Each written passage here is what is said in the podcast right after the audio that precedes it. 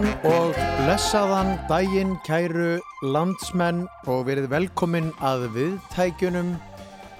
Það er morgun kaffið sem hilsar hér á Rást 2 og við hljóðnumanna sitja Björg Magnúsdóttir og Gísli Martin Baldursson. Góðan daginn Björg Magnúsdóttir. Góðan daginn Gísli minn Martin og gleðilega hátíð. Leif ég mér nú að segja vegna þess að í dag er dagur íslenskrar tungu. Rosalega Og, pressa yfir í útvarpinu á þessum degi. Já, við eigum það til að nota tökuorð og jafnvel slettur en uh, í dag verður ekki bóðið upp á neitt slíkt gott fólk.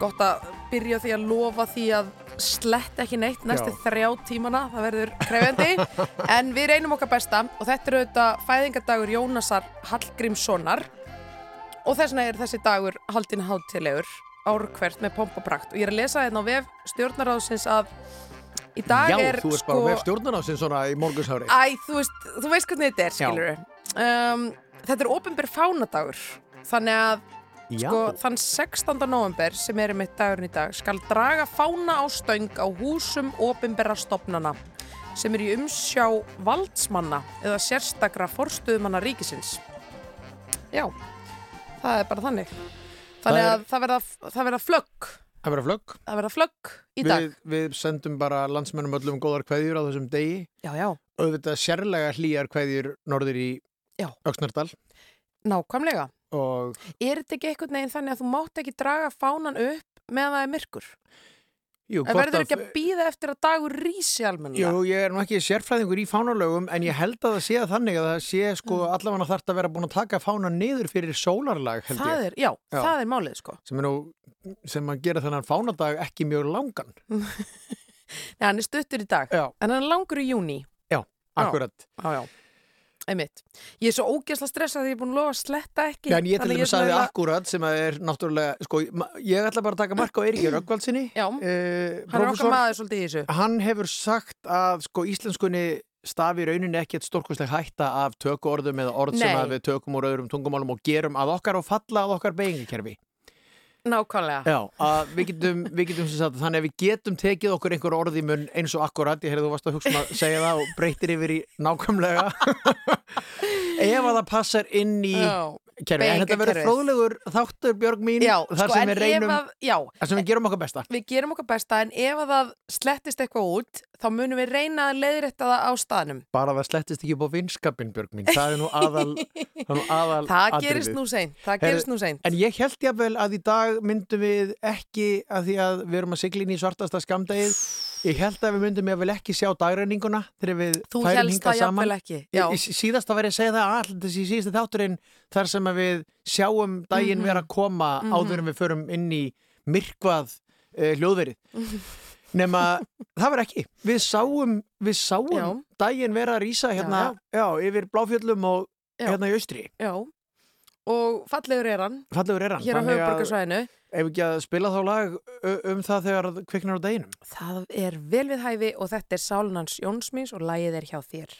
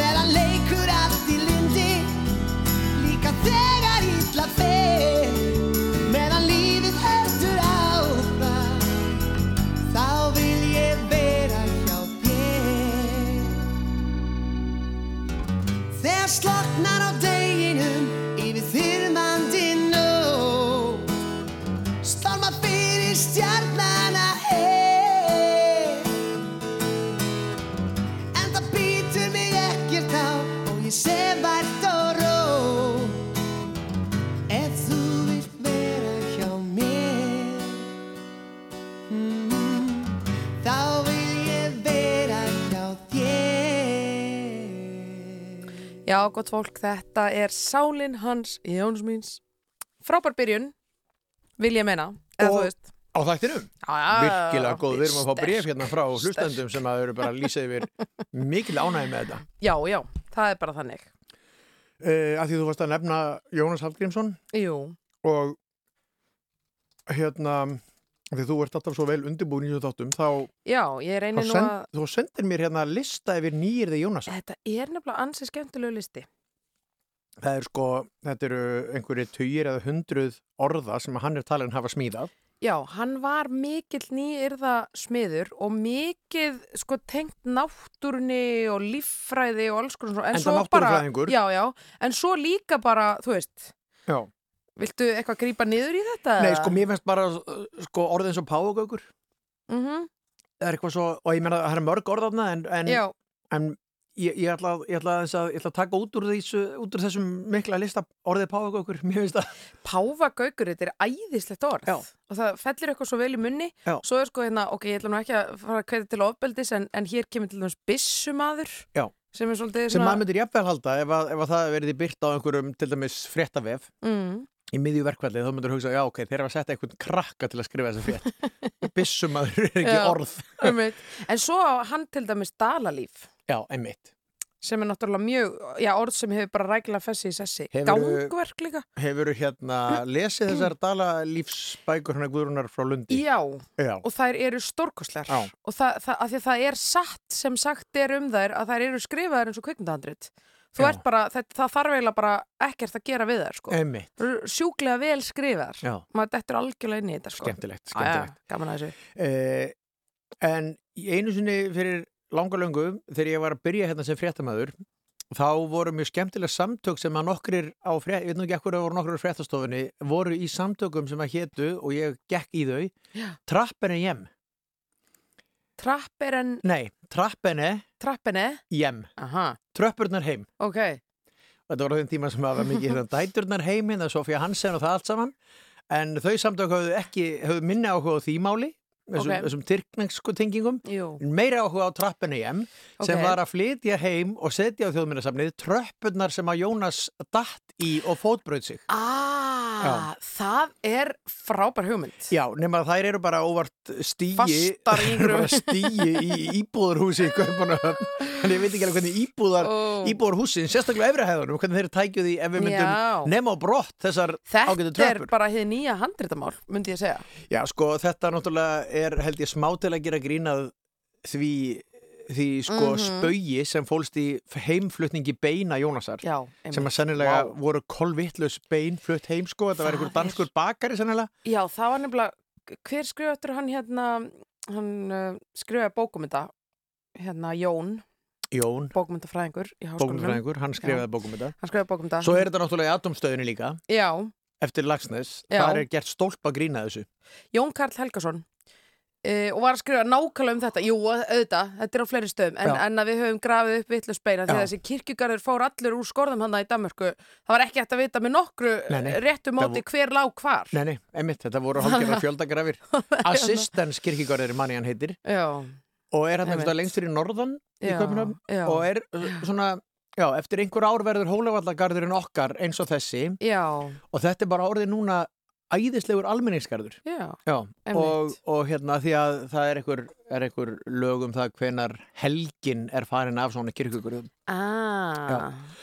En Jæja. hann er grafin á þingullum, emitt. Jónas er grafin á Eða þingvöldum. þessi Þessi danski danski bakari, bakari, já. liggur þar, Og beinin hans Er ekki einar þar. ben þar líka og svo Jú. átt að vera einhverju tveiri viðbót en það Davíð var aldrei. Oddsson, þegar að því kemur er það ekki Það var einhver, hérna, ég veit ekki, það er allar um pláss Nei, fyrir nei. einhverja viðbót. Já, já, það er nóg pláss á Ég held að. Jónas og Hribluð eitthvað hafi haft þessa hugmynd, Já. en svo vildu menn ekkit endilega láta hóla sér niður þarna.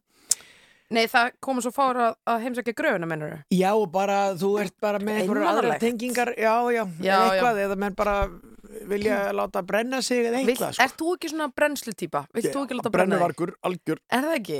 Jú, ég myndi er- giska á það ef, að- ef þú myndi bara svona hrökka upp af sem, sem auðvitað ég Mhm. er að setja upp hérna ræðilega ræðstæður en ég myndi svona, ef ég bæri ábyrðaði að eitthvað græði þetta, þá myndi ég bara, ok, Gísli vill láta brenna sig Það, það myndi vera staðfest það bara hér núna í útvarpinu og það er náttúrulega Ok. sko hérna það, það er fyrst og fremst af bara borgarskipulagspælingum að því að það tekur svo mikið pláss að hafa mig Já. þó svo ég sé ekki rosastór maður Já, það, það, það er miklu pláss minna að, Ah. að mínar jarnesku leifar Já, fái bara að vera einhverju keri dufti, Já. keri, já frekar en að ég sé rótnandi onni í einhverju kistu en þetta er nú Já. aldrei skemmtilegt umræðefni Já, á þau eru bara á lögðarsmotni og, og alltaf frétta, sko. Herðu, en við höfum ákveðið að spila bara íslensk lög í dag, samin, hérna, bara íslendingum á íslensku. Já, ég heldur er, nei. reglan er ekkit endilega, þau þurfum ekki að vera saman af Íslendingum Nei, nákvæmlega, við ætlum bara að þau þurfum spila að þurfum að vera á á íslensku íslensku. Já. Já, Það er heldur bara eina reglan já, á þessum degi að þessum lögin degi. sem að hér eru spiluð séu Já. sungin á íslensku það og þeirri reglu verður hvergi kvikað frá uh, og þannig að þá er hann komið að því að kynna inn næsta lag. Já, Það er nú ein okkar allra besta. sko fyrsta lagi sem við spiliðum í þessum þætti þegar hann fór í loftið fyrsta sinn var E- lag einmitt. með Ragnhildi var þá það var ekki það Draumaprinsinn akkurat, Já. einmitt. og núna er ég held við, ég held við hérna, leifum þessu ég held við Akkúrat. leifum akkurat Akkurat er löngu komið inn í íslenska tungu. Ég held að sé alveg í nýjirða orðabókinni já, já, Já, þannig að við erum ekkert að pæli því. akkurat svo náttúrulega er alltaf svolítið smart að sletta á Norðurlandamálunum Kollega. af því að það er náttúrulega bara svona afbökun á okkar ástkjara Elíra Mhm. eða Það er þannig, miklu getum svona- það Já, það er, að, það er aðeins að tegja sig í efri hilluna að vera með sænskar og norskar slettur. rétt, Vandað. en sko lægi sem við ætlum að spila heitir Hvað um mig og þig með Ragnhildi Gísildóttur Mm og það er hérna því við vorum nú að tala hérna um uh, um dauða okkar og, Yfirvóandi, já, mögulega. og jarneskar leifar og svona Já, já. Það er þetta lag er daldið svona ég segi ekki það er ekki alveg á þeim nótum en, en hérna hér segir til dæmis á laugadögum eftir klukkan átta lög á fónin lamaður í alkohóli landin gefur tónin Einmitt. þetta er svona, þetta er mjög mikill sko Skandinav, skandinavísk sko raunsægishyggja sem hér er í gangi Mhm. myndi ég segja, Já, akkurat. Ég var að heyra, já, Já. heyrum þetta já.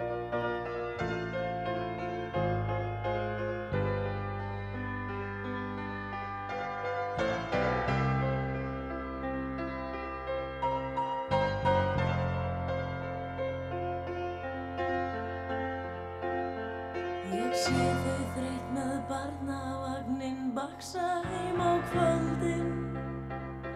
Þar býða brjöð með rukkunum sem byrta ógreitt gjöldin Er lífið aðeins fallin miksill oft þau spyrja sig. Þau reyna stefni rétt átt. En hvað um mig og þig?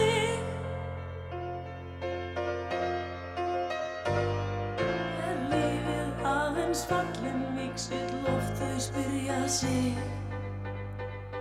Þau reyna stefni rétt átt. En hvað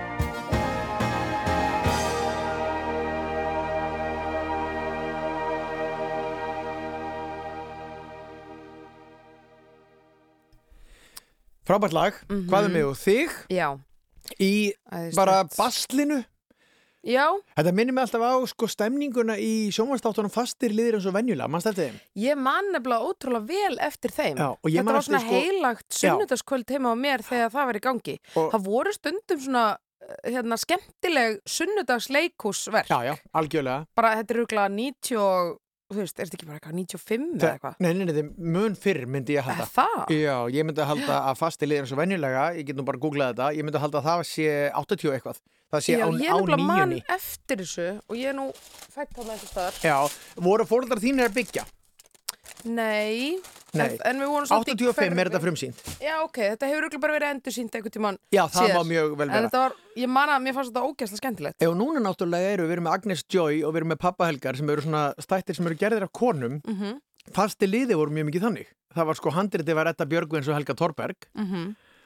og svo var náttúrulega kynjarhautur konum snúðu viðmannstu Einmitt. Já, og hérna konundar voru allar á einhverjum að reykja vindla, þú veist, í húsi Vestlunarinnar hann á eftirhæð og eitthvað svona og, og hérna Július Brjánsson hérna var, var hérna heimavinnandi. Og, og Jóhann Jói Stóri, Jóhann Sigurðarsson í algjörlega frábæru hlutverki. Hérna kona sem sagt fer frá honum og verður lesbía.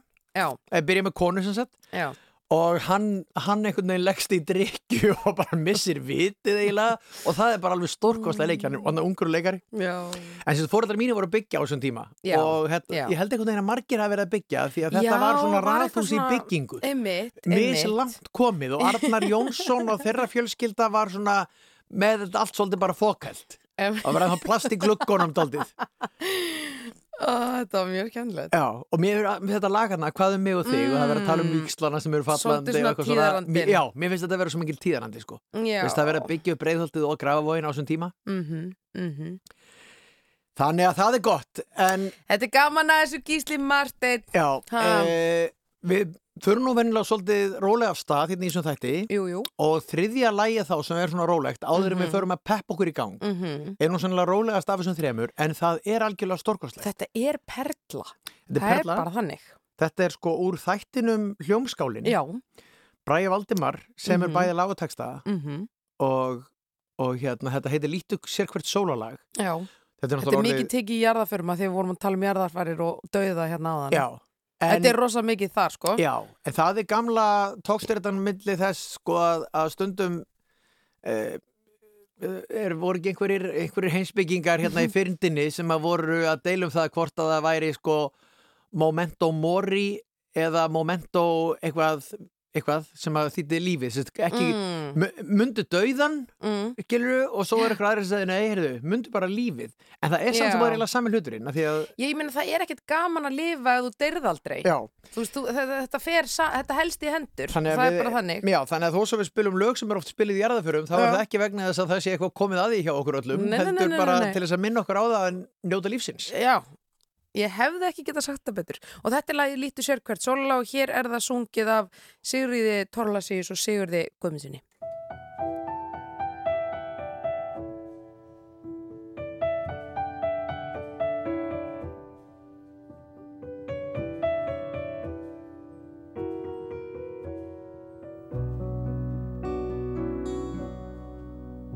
Sér hver draumur lifir aðeins eina nótt Sér hver aldar í sem nýgur jafnan skjótt. Hverju orði fylgir þögn og þögnin hverfur allt of fljótt. En þó að augnablikið aldrei fyllir stund Skaltu eiga við það mikilvægan fund. Því að tár sem þerra burt Aldrei nær að græða grunn Líktu sér hvert sólarlag Sem þitt hinsta væri það því morgni eftir orðin dag.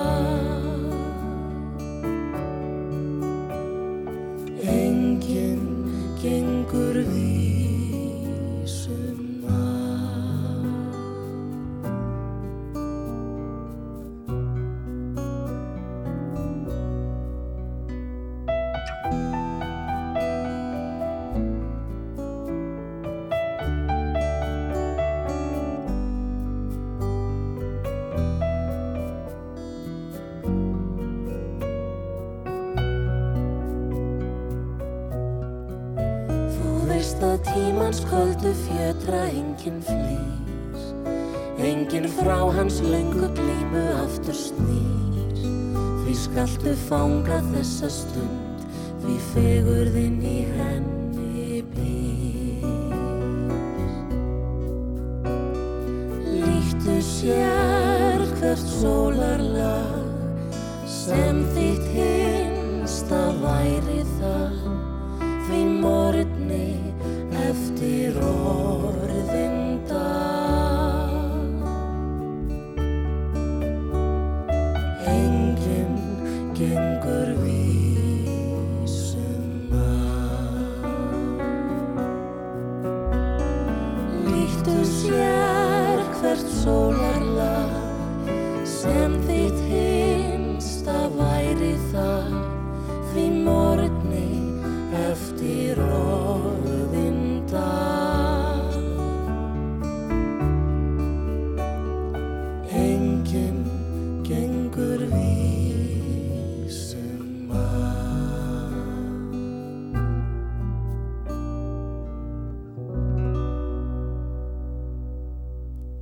Já, góða hlustendur, uh, þetta er dagur íslenskrar tungu en ekki dagur fullkomnunar eins og Nei, Gísli þetta þú myndi mig á.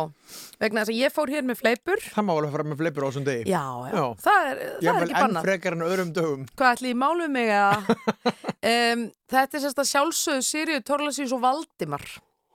Ég mismælti mig hér og sagði Sigur Guðmundsson ætti þátti þessu máli. En það er það náttúrulega Sigur Guðmundsson er svolítið eins og setni hlutin á nafni Sirja Tólasíus. mm og þau eru náttúrulega svona par Já. í geiranum sko Já. í tónlistar bransanum Hún er, nei, byrju, hvað er, hvað, er þetta kallað? Hérna, hann er þá vinnumadurinn hennar. já, Það er litli krakkar kalla sem sagt, kalla eh, sagt, vinnufélaga. já, Já, þannig ég hann er er- vinnukona Já, já. en við sofum ekki í sama rúmi Nei, svo gott að taka bara alltaf fram ekki eins og niður sama húsi. Nei, ekki eins og sem er götu. Heyri, við eh, höldum áfram með smjörið Við ætlum að, fara hér í stuttar auglýsingar Svo komum við aftur Velkomin aftur, kæru hlustendur. Uh, dagur íslenskra tungu Mhm. þýðir að við spilum bara lög á íslensku. En Já. við fórum að velta fyrir okkur Já. þegar við vorum að undirbúa okkur í vikunni. Já.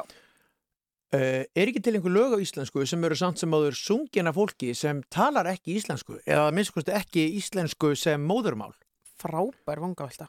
Og það eru einhver til og við ætlum að spila hérna Mhm. fyrsta lagi eitt lag en Mhm. ætlum eiginlega að skora ykkur hlustendur að senda okkur ábendingar ef að ykkur við, við spurðum einhverja, ég spurði meðal annars uh, þekkt tónlistarfólk mm að ég til dæmis held að John Grant Já, hefði, því hann talar íslensku. Já. Spurði Björn Jörund, býtu hvaða lag söng hann með nýttónsk á íslensku? Mhm. og það var bara misminni hjá mér.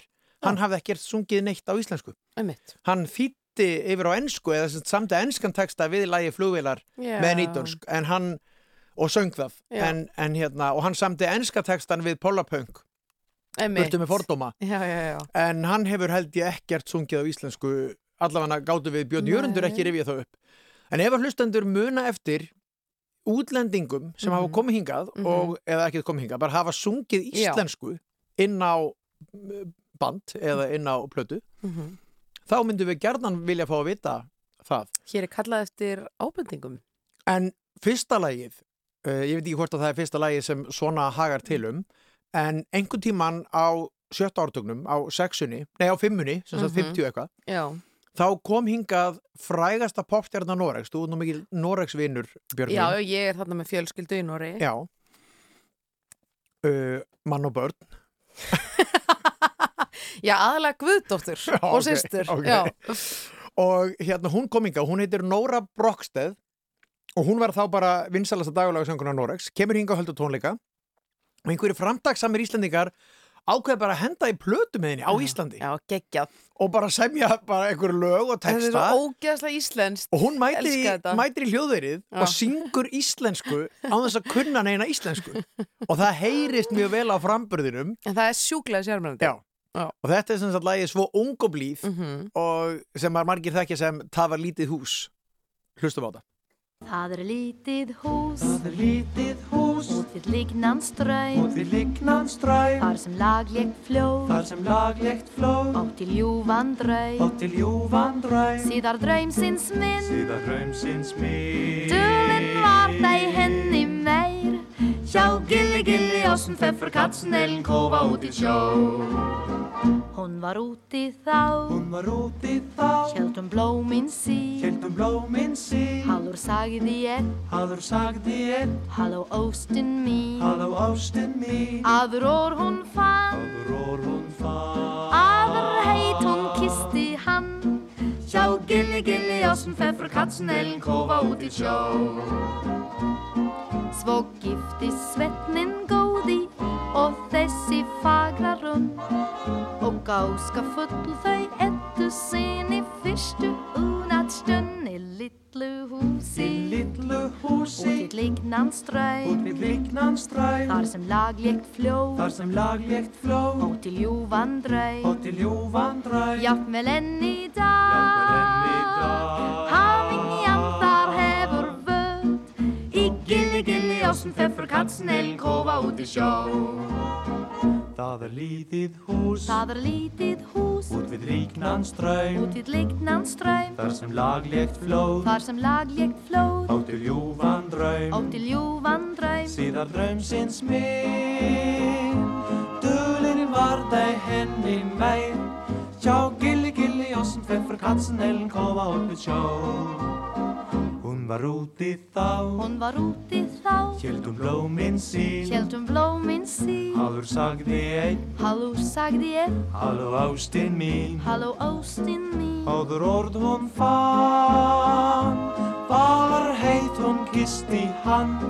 Sjá gilli gilli ossen feffer katzen Ellen kova upp ett sjov Svo gifti svettnin góði og þessi fagra rund og gáska full þau ettu sen í fyrstu unaðstund í litlu Í húsi litlu húsi. Út við liknan Út stræð við rignan stræð þar sem laglétt fljóð Þar sem laglétt fló átt til ljúfan dræð Og til ljúfan dræð jafnvel enn í dag. Jafnvel enn í dag. Hamingjan þar hefur vöð. Í gilli gilli ásum feffer katzen Ellen kova út við sjó Gilli gilli ossen feffer katzen Ellen kova út við Gilli gilli ossen feffer katzen Ellen kova út við Gilli gilli ossen feffer katzen Ellen kova Þetta er algjörlega frábært lag. Þetta er algjörlega frábært lag. Heyrðist í mér í fyrraskiptið? Já, Já. við íttum sko á nákvæmlega saman tíma Já, við íttum á fara í loftið á sama fara tíma. í loftið, þannig að það nullaði ekki hvort annað út eins og gerir stundum Gott. Já, já, hér er, já, já ah, En þetta var sem sagt Nora Brogstead og hún er endar nýt áinn í hárri elli. Bara varði 90 eitthvað ára staðan. En byttu, byttu, bökkum nú aðeins Hún, uh, voru búin að tala um Eurovision tengingu hennar Nei, Nei. ég er nefnilega, sko, það er þetta, þessi þáttur reynir að koma Júruvísson tengingum að hvar sem hann getur. Hún Eðlilega var, ef, eftir hún gáði þetta lag, þá Já. var hún valin fulltrúi uh, Norex í Júruvísson Mhm, og varði í þriðja til fjórðasæti, ég held 1960.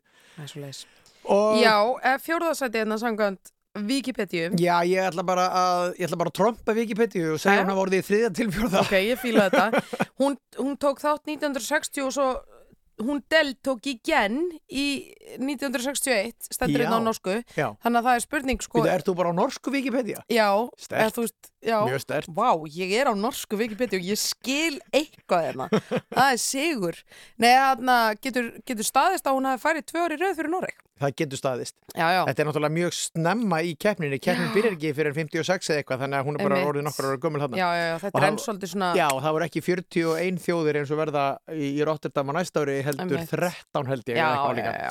En það breytir því ekki að Íslandsvinnurinn Nóra Brogsteð uh, hérna lendi þarna í 3. til 4. sæti fyrir Noreg Það er staðan og Gísli hefur hérna meiri upplýsingar heldur en Wikipedia Nei, nei, ég Norska ætla- Wikipedia og enska Nei, nei, ég, það, ég, ég ætla algjörlega ég hef kannski rámt fyrir mér í, í, mínu, í mínu minni var þetta þri- kona Já, já, og hún var í alvöru stæsta popstjarna Já. Skandinavíu Já. á tímabili Já.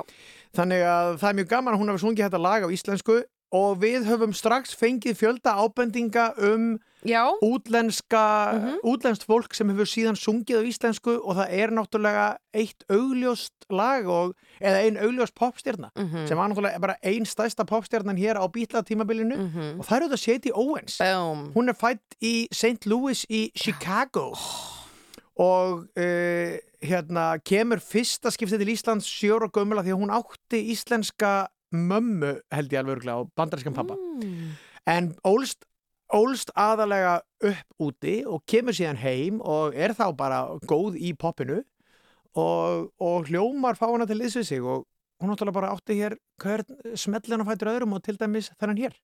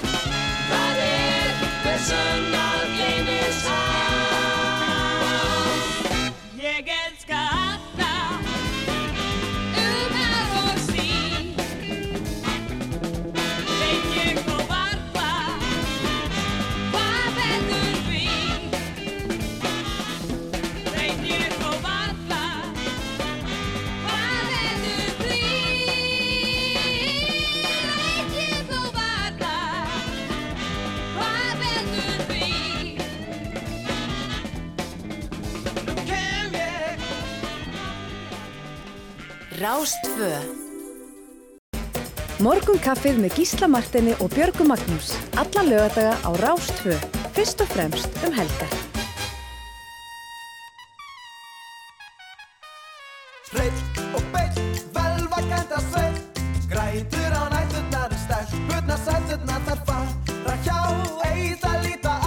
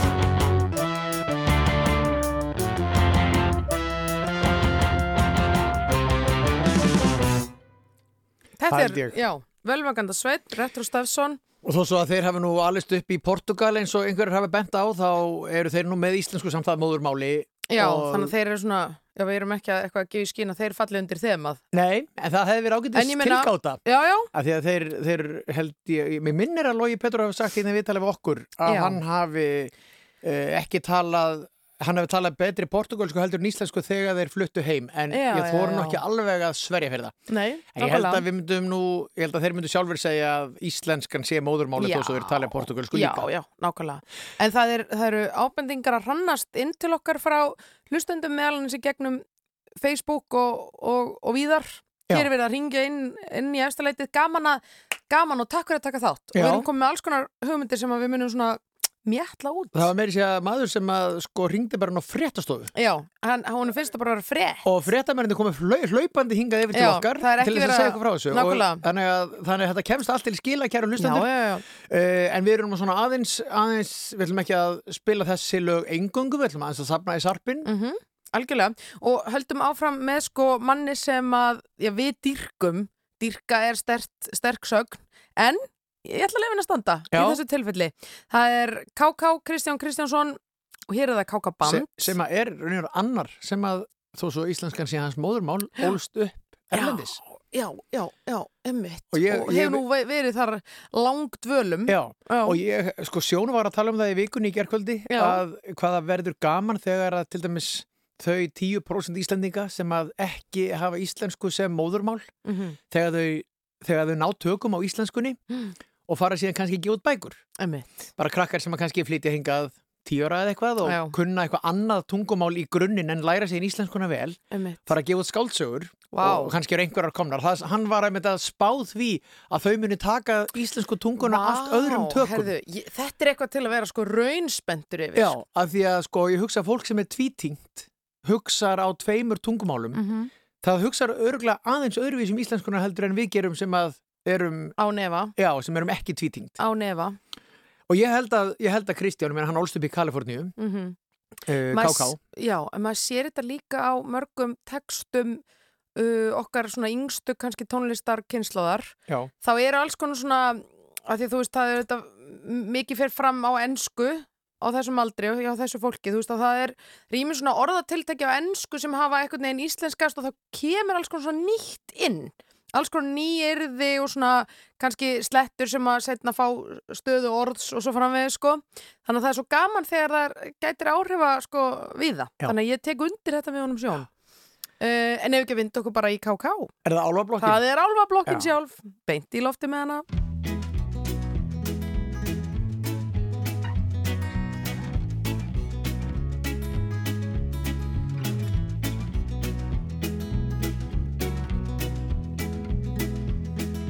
Í álfa blokkinu bjó, lítið stúlk og mjó, hún átti sér draum söðu við sjó, þar álfa drengurinn bjó. Einn var hængur þó á, hún fekk ei drengin að sjá, því mamma var þver og pabbi var skver, því fer sem fer. Babú, babú, hætta á ferð, Babú, babú, svon er að skapa þjóðfélagstegn Bæði vörðu við, við grett og yldu sig Skeikar á sköpum sama en ég. Hún skellt á eftir sér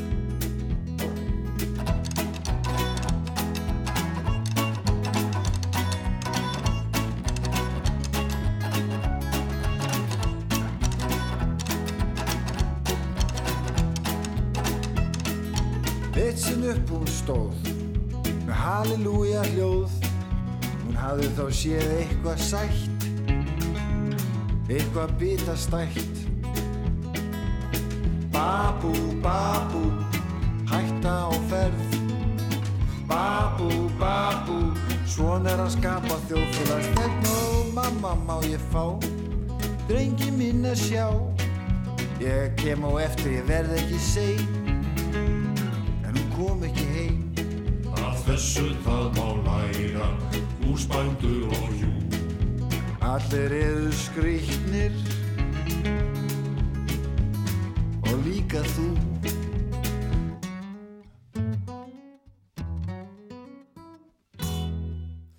Þetta er hann KK okkar, Kristján, okkar allra besti, Já. sjófari, Allir eru, skrýt, allir eru skrýtnir og líka þú, minnst þetta vera svo ég, ég, í, í haustum á mér syngi alltaf allir eru steiktir og líka þú Já, það. Já, ok. en hann segir skrítnir Já, og ég, svo á svipuðum tíma kom út bók sem heitir skrítnastur en maður sjálfur já, Já, já. hver, hver ég reyt man það hana? ekki en mér finnst eins og það sé eitthvað einhver lagsnestenging þar Það er svoleiðis. mér finnst það, en ég ætla ekki að sverja fyrir það ég ætla ekki að sverja fyrir það Martin. Við höfum fengið ábendingar frá hlustendum og sjálfs var var að rinja hérna. þetta tæknistjórn þarf eitthvað að kíkja það er svo mikið ringt inn í þáttin að síminn bara hrekkur upp af. það er, uh, já, það er ein kona sem þarf nú að fá að fara í gang hér. Það er Beyoncé. Hún hefur sannarlega sungið á íslensku. Um, og hér kemur lagið Ást á pöpnum. Má ég- Þetta má ég þykir okkur spyrja. Björg? Já. Af því þú segir, þú berði þetta fram eins og Beyoncé Já, þú segir já. Beyoncé, heitir Já. hún ekki Leoncy Jú, jú. eða hvað? Já, ég segi allavega Beyoncé. Já, ok. veist, Mér er svo góður rinjandi. Ég veit það, en góð- ég held góð hrýnið já, Góð- ég held í alvöru að það hafi bara byrjað eftir að Beyoncé Ok. var þekkt og Ok. þá, þá við, þannig að- við þurfum okkar eigin Beyoncé og við bara gerum Beyoncé að henni Við ætlum að skella inn í loftið hér er það ást á pöfnum.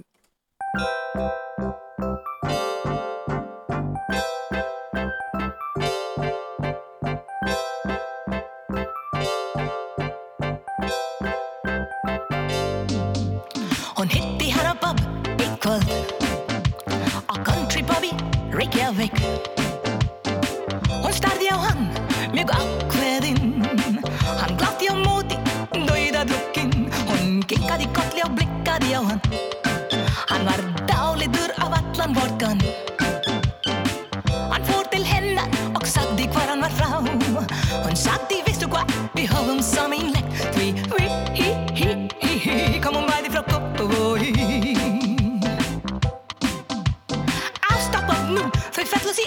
ástapöfnum Nú græður hann, hann átti að kynnast henni fyrst. Hann eyðir allt og hans frétt, hann sparar ekki nýtt Hann vildi kaupa hús, en hann á valla fyrir öðkrús Til að gera allt verða hann misti vinnuna. Þú ert rekin í staðin að vinna fór hann til norður með henni. Hún dróg hann til Akureyrar. Þetta er ást á pöfnum. Gott við þunum því miður og skiptir og fréttir. Þau fjallist í ástapöfnum en það er að koma að fréttum. Já, það er svo leis.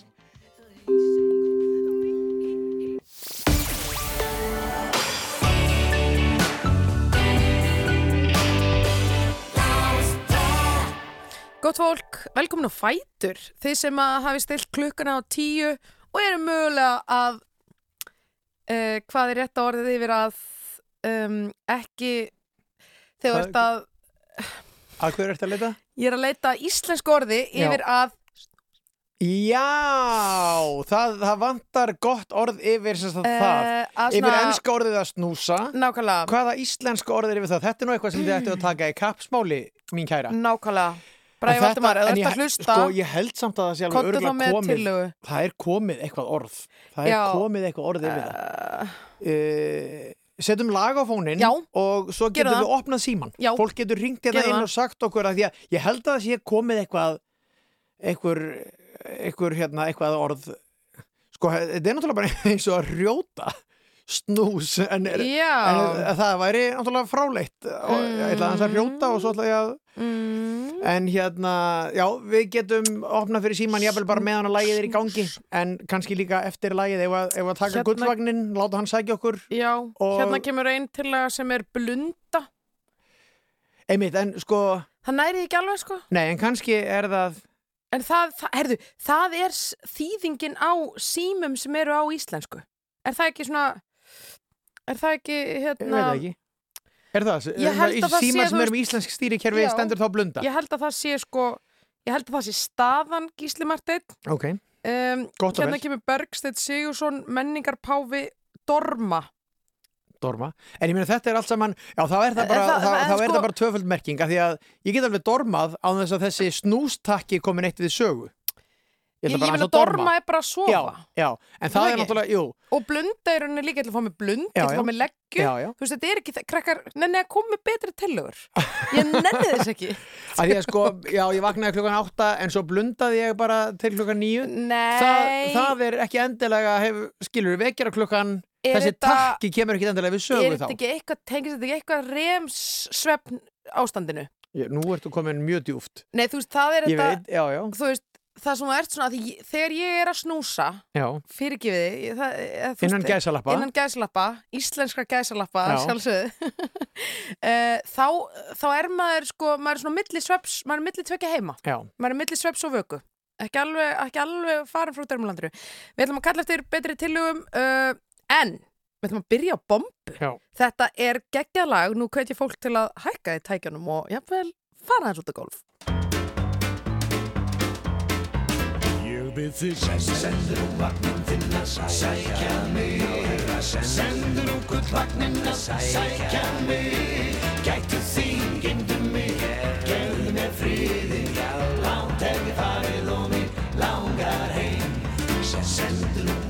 að sækja mig. Sendur úr gullvagnin að sækja mig. Gætu þín,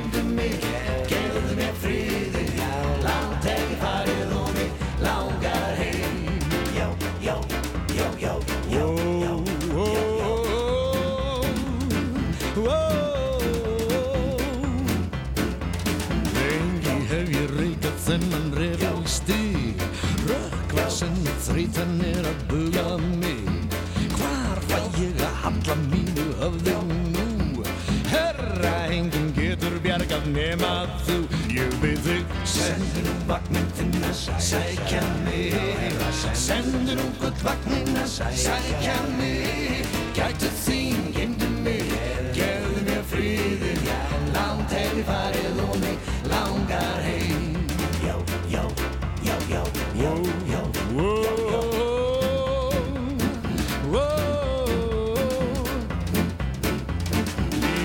þessi dagur sem á dimma fer. Djúpir eru skuggarnir sem þrengjað mér. Hvar fæ ég að handla mínu höfði nú? Herra, enginn getur bjargað nema þú Byrð þig. Sendur úr vagnin þinn að sækja mig. Sendur úr gullvagnin að sækja mig. Gætu þín, geymdu mig. Gefðu mér friði Langt hef ég farið og mig langar heim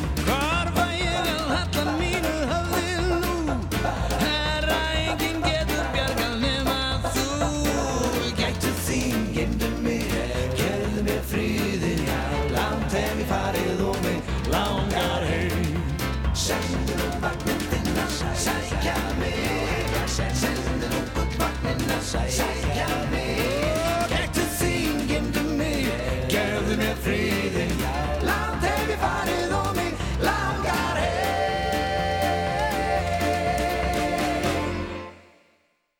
Það held ég nú. Uh, þetta er náttúrulega Björgun Haldarsson og Mhm. BH kvartetin held ég í, í bakgröndum sem að það er náttúrulega bara Björgun Haldarsson sjálfur Já, já. og þetta er náttúrulega á þeim tíma þegar Björgvin var bara á held í einhvers konar sönglegum hátindi. Mm og þá uh, hugsa ég bara enginn hafi verið nógu góður í bakgröndunar heldur en Björgun Haldarsson sjálfur. Og þá þarftu bara að gera eins og Dorrit gerði við sám og klóna þig sem er hægt í, hægt í löðveri Sámur 2 er komin. það er uh, hérna bara eru gleði fréttir Mm ég er einhvern veginn alveg frá því að kindin Dolly. Fættist í uh, hérna uh, Skotlandi fyrir margt löngu. Mm þá hefur mér fundist þetta klón dæmi allt saman mjög spennandi. Já, já, held þú ert þar. já, Þetta er áhugaverð, áhugaverð vingill. já, ég einhvern veginn ég er ekki, ekki mjög hrættur við þetta. En auðvitað er þetta misnóta þetta eins og allt annað. Allir sem hafa séð náttúrulega hérna ringadróttin sögu og Mhm. það allt saman. Já, já. Og Það sem orkarnir eru, eru klónaður út úr einhverju Mhm. slímugu og geði þá Einmitt. þú veist, sér maður fyrir sér að einhverjar þjóðir kannski munu bara munu bara búa til fullt af hermunum og eitthvað svona já, en ef maður rosalega fram hjá spennandi tilhugsun. misnótkunni á þessu og bara Mhm. eins og með blessaðan sám Mhm. þá er þetta náttúrulega bara fallegt og gott Já, já. En þú veist, við hefum eftir að sjá hvernig Sámur 2 þróast. Já, ég held að þetta, fó- þetta ekki þetta fólk þetta, það er endar sko En Mér, það ég held að á ég Stefansson hafa sagt það, ég held sko- að fyrsti klónaði maðurinn Já. er á meðalvor Er það? segja þeir Segja þeir? segja Hver, þeir, hver eru þeir? Þeir. Men, mennirnir? mennindir Klónmennirnir? Já. Klónara mennirnir? mm, já, eða vísindamennir Þetta þykir mér mjög áhugavert. mm Ert þú klónaður? ég er ekki klónaður ég er ekki Ert þú klónaður. Gísli tvö? það var ekki klóntaknin var ekki komin uh, árið 72 þegar ég er getin í þennan heim. En mannst ekki eftir myndinni þar sem að maðurinn varð fjórfaldur? það var, þú veist- multiplicity, Já, mann mjög henni Það var nefnilega svona þemað var þar að þú veist, eftir því sem hún klónar uh, hann oftar, Já. þeim mun lélegri varð klónið, útgáðan, þannig að það vart að þú veist, þannig að þá ert ekki alltaf að það er vinna svo í... ljósrit af ljósriti af ljósriti. Já, það verður alltaf svona aðeins deyfð, deyfðar og aðeins vittlisari og svona. mm Þannig ég, ég, er það sem svo held að ég væri klón nei þess vegna var ég að segja, þú veist, ég vil, ég vil sjá hvernig sámur tvö lélegri heldur en ég þróast. var á lögða fyrir viku Það eru ákveðni þættir, já, sem ég hef aðeins verið að pikka einnig. Ég er sko með einn sem að sér um vikuna á föstudögum og annar sem mætir í morgunkafið. nei, nei, hérna eh, eigum við lag með Ævaru Páls. Það hefur mikið verið Já, bent á hún það að já. hún er auðvitað Já. ekki með íslensku að móðurmáli en hefur sungið fullt af íslenskum lögum meðal Mm. annars að lagi við gengum tvö. Já. Og við fengum hér ábendingar um það. Það eru auðvitað mörg önnur lög sem hún hefur sungið en, en það er eitt af þessum lögum sem hún hérna, tók íslensk lög. Hún, ég heyrði henni í fyrsta skipti í Eurovision forkeppninni árið 2003 þegar Birgitta Haugdal vann er. Með Segðu mér allt. Já. Þetta var keppnin sem var í háskóla bíói. Já, sem breytist nú yfir í Open Your Heart Já. og sem er einstaklega skemmtilegt vegna þess að þema keppnar í Rotterdam næsta vor er Open Up Akkurat. og þarna eigum við Íslendingar nú lag og framlag sem er Open Your Heart þetta, þetta, ég myndi segja þetta verið stöngin inn Já. eða jafnvel vinkillin inn Já. er það ekki svona aðeins svona flottara að vera með vinkillin inn heldur en stöngin inn Jú, og almennt myndur þú segja skeitininn? Já, skeitin. Skeitin, eins og samskeitin? Já, já, já, Já. Einmitt. Al, almennt. Verður þú sannlega bara lamin í búnisherbygginu þú myndir segja, já, já, ég tók hann bara vinkilinn inn. Eh, skeitin inn, en- samskeitin inn jafnvel Samuel inn. Samskeitin, Sammi, Samuel Já, mm. jafnvel sámur til að loka þessum ringa þú veist, viltu, nei, við hæ, hæ, hættum þessu bulli hérna. förum bara í Gísli, Páls. við gengum tvö. Er þannig. Og, en já, sko bara svo ég klárið þá söngun hann 2003 og söngun er lag sem heitir, heitir, heitir í nótt eða eitthvað álíka. Og þá vorum við mjög þykkan færiskan hreim á íslenskunni. Mm. en, en það er svona vallað að maður heyri það samt sem það er í þessu lagi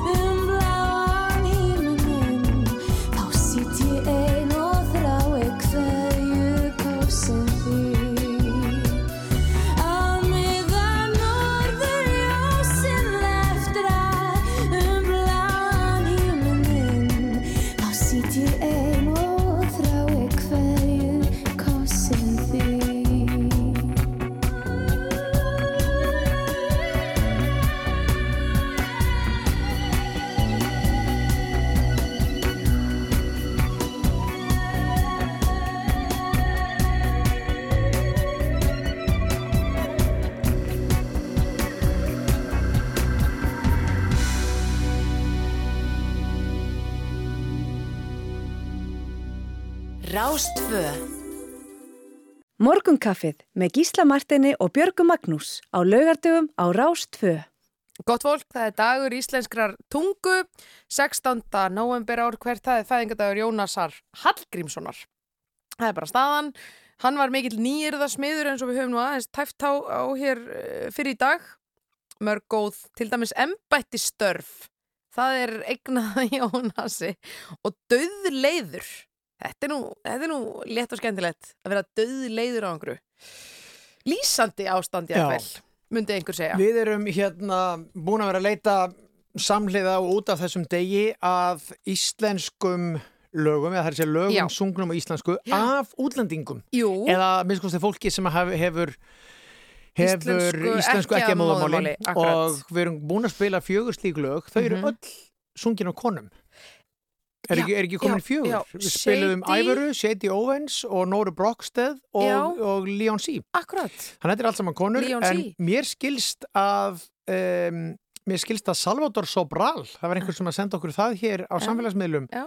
Salvador Sobral hafi sungið Sofðu unga ástin mín í hörpu um daginn Já. Já, ég vissi þetta ekki, ég var ekki á þessum tónleikum Nei, hann var náttúrulega hann að Portugalin. Já, Eh, já, en ein Eurovision tengingin hér í þessum þætti við en látum þær ekki fara fram hjá okkur allavega. En við spiluðum hérna, við spiluðum Leon C og eh, fáum fyrir það skömm í hattin Já, á, á, hérna, bara á skömm. Twitternum, já, já, Já, já. skömm, Mhm. bara eintölu. Að spila Leon C á degi íslenskara tungu finnst mér alveg ákaflega óvið eigandi, Mm, segir mm. hér hlustandi. Mhm. Hún hefur ekki fært okkur neitt nema skömm og leiðindi. Gerir lítið úr Íslandingum og stráur illendum í kringu sig hvert sem hún fer, segir þessi ágæti hlustandi og við bara byggjum þennan hlustanda afsökunar en markmiðið var nú sko- ekkit endilega að spila eitthvað fyrirmyndar fólk, við vitum ekki um endilega alla Íslandingarna sem við spilum, heldur að spila bara lög Já. með fólki sem hefur ekki íslensku á móðurmáli en er samt að syngja á íslensku. Og ást á pöpnum er nú komin með ákveðin sess inn í þjóðarsálina verði ég að segja. Og það er ekki allt hérna eh, glimmir og, og blóm, sko.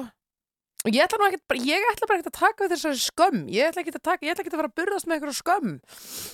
Uh, þannig ég er að spája skilinu bara. Nema hvað, áframheldur, áframheldur prógramið. Um, við ætlum að fara í Eyjól Kristjánsson næst. Hér er lag sem að uh, heitir Ég lifi í draumi og við ætlum að spila það meðan svona gestir okkar eru nú eitthvað að týnast inn. Það eru, já, barnabörn Nobelskálsins, þau Auður Jónsdóttir og Halldór Halldórsson, Dóri DNA. Þau eru bæði með bækur í flóðinu og við ætlum að spjalla við þau um, sko, Auður er bara að, þú veist, opna hjarta sitt og skrifa um mjög persónlegan, eh, já, tíma í lífísinu. Hún, hún er nýskilinn og var í málaferlum á sama tíma eins og, eins og alþjóð veit nú örgla og já, ekki síður áhugaverð efnistök í bókinans Dóra þú ert búin að lesa hana Ég er búin að lesa hana Mhm. og hérna hans fyrsta skálsaga, já. Ræðum, ræðum við hana, já, já. við hann, um hana. um hana og hana við hann og þau við þau en hér er það Ég lifi í draumi Já.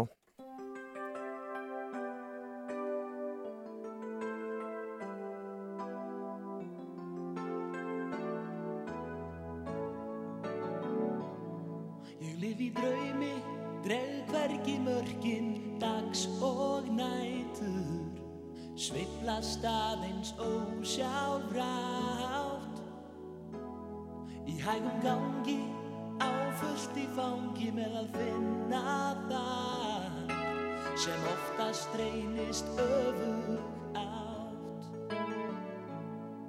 Það er líkt og ég sé laus úr öllum viðjum.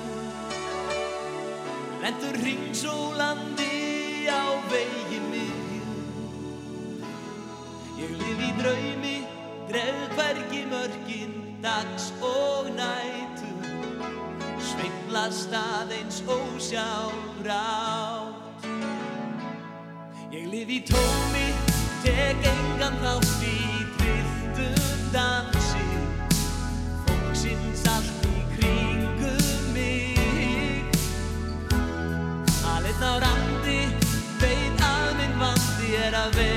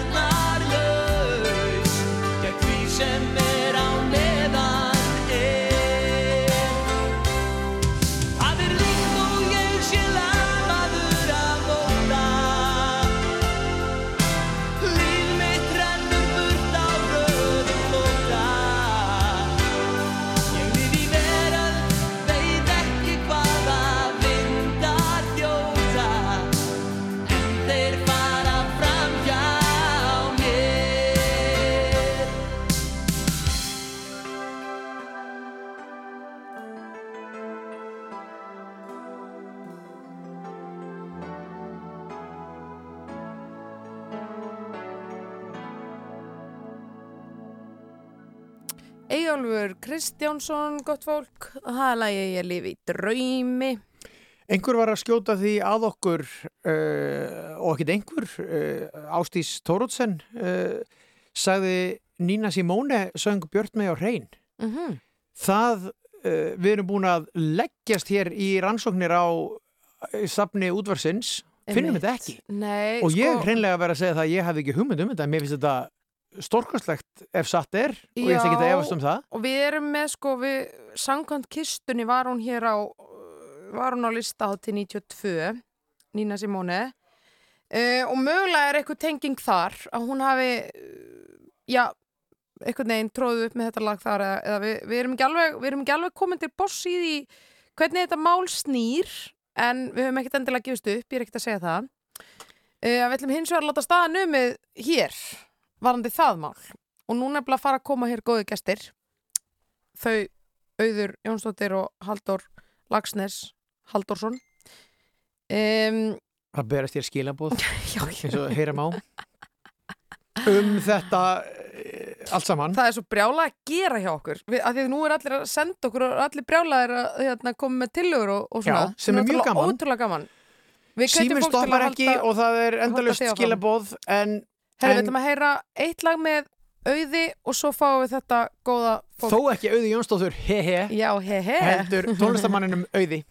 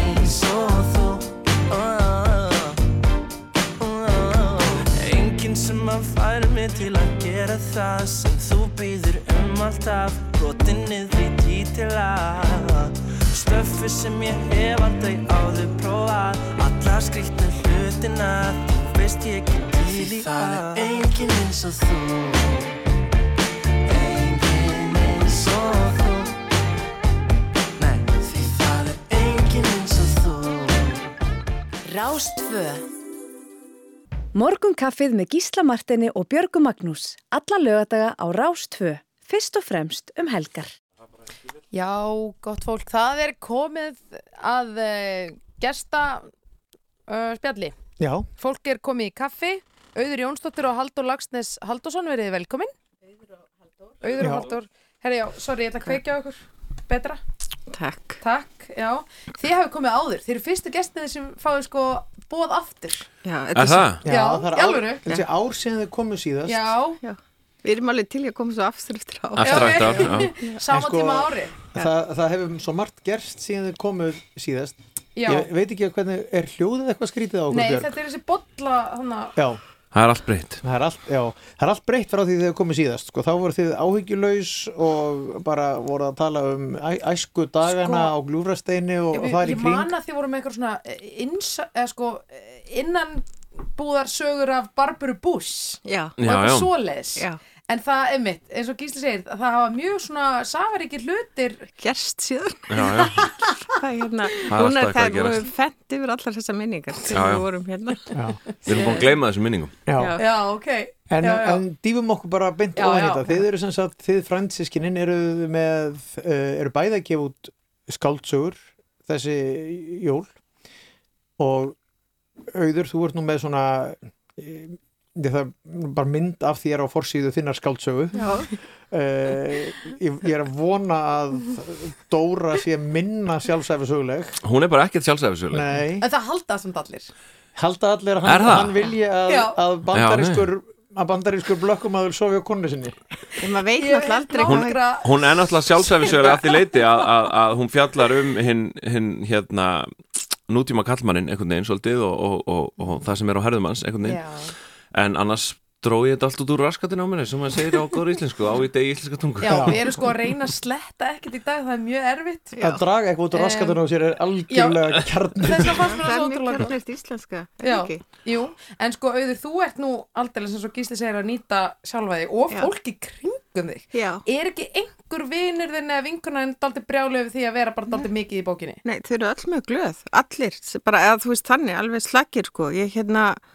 og ég er mjög glöð sko, hérna, svona þakklátt fyrir skilning þessa fólks á því sem ég er að gera.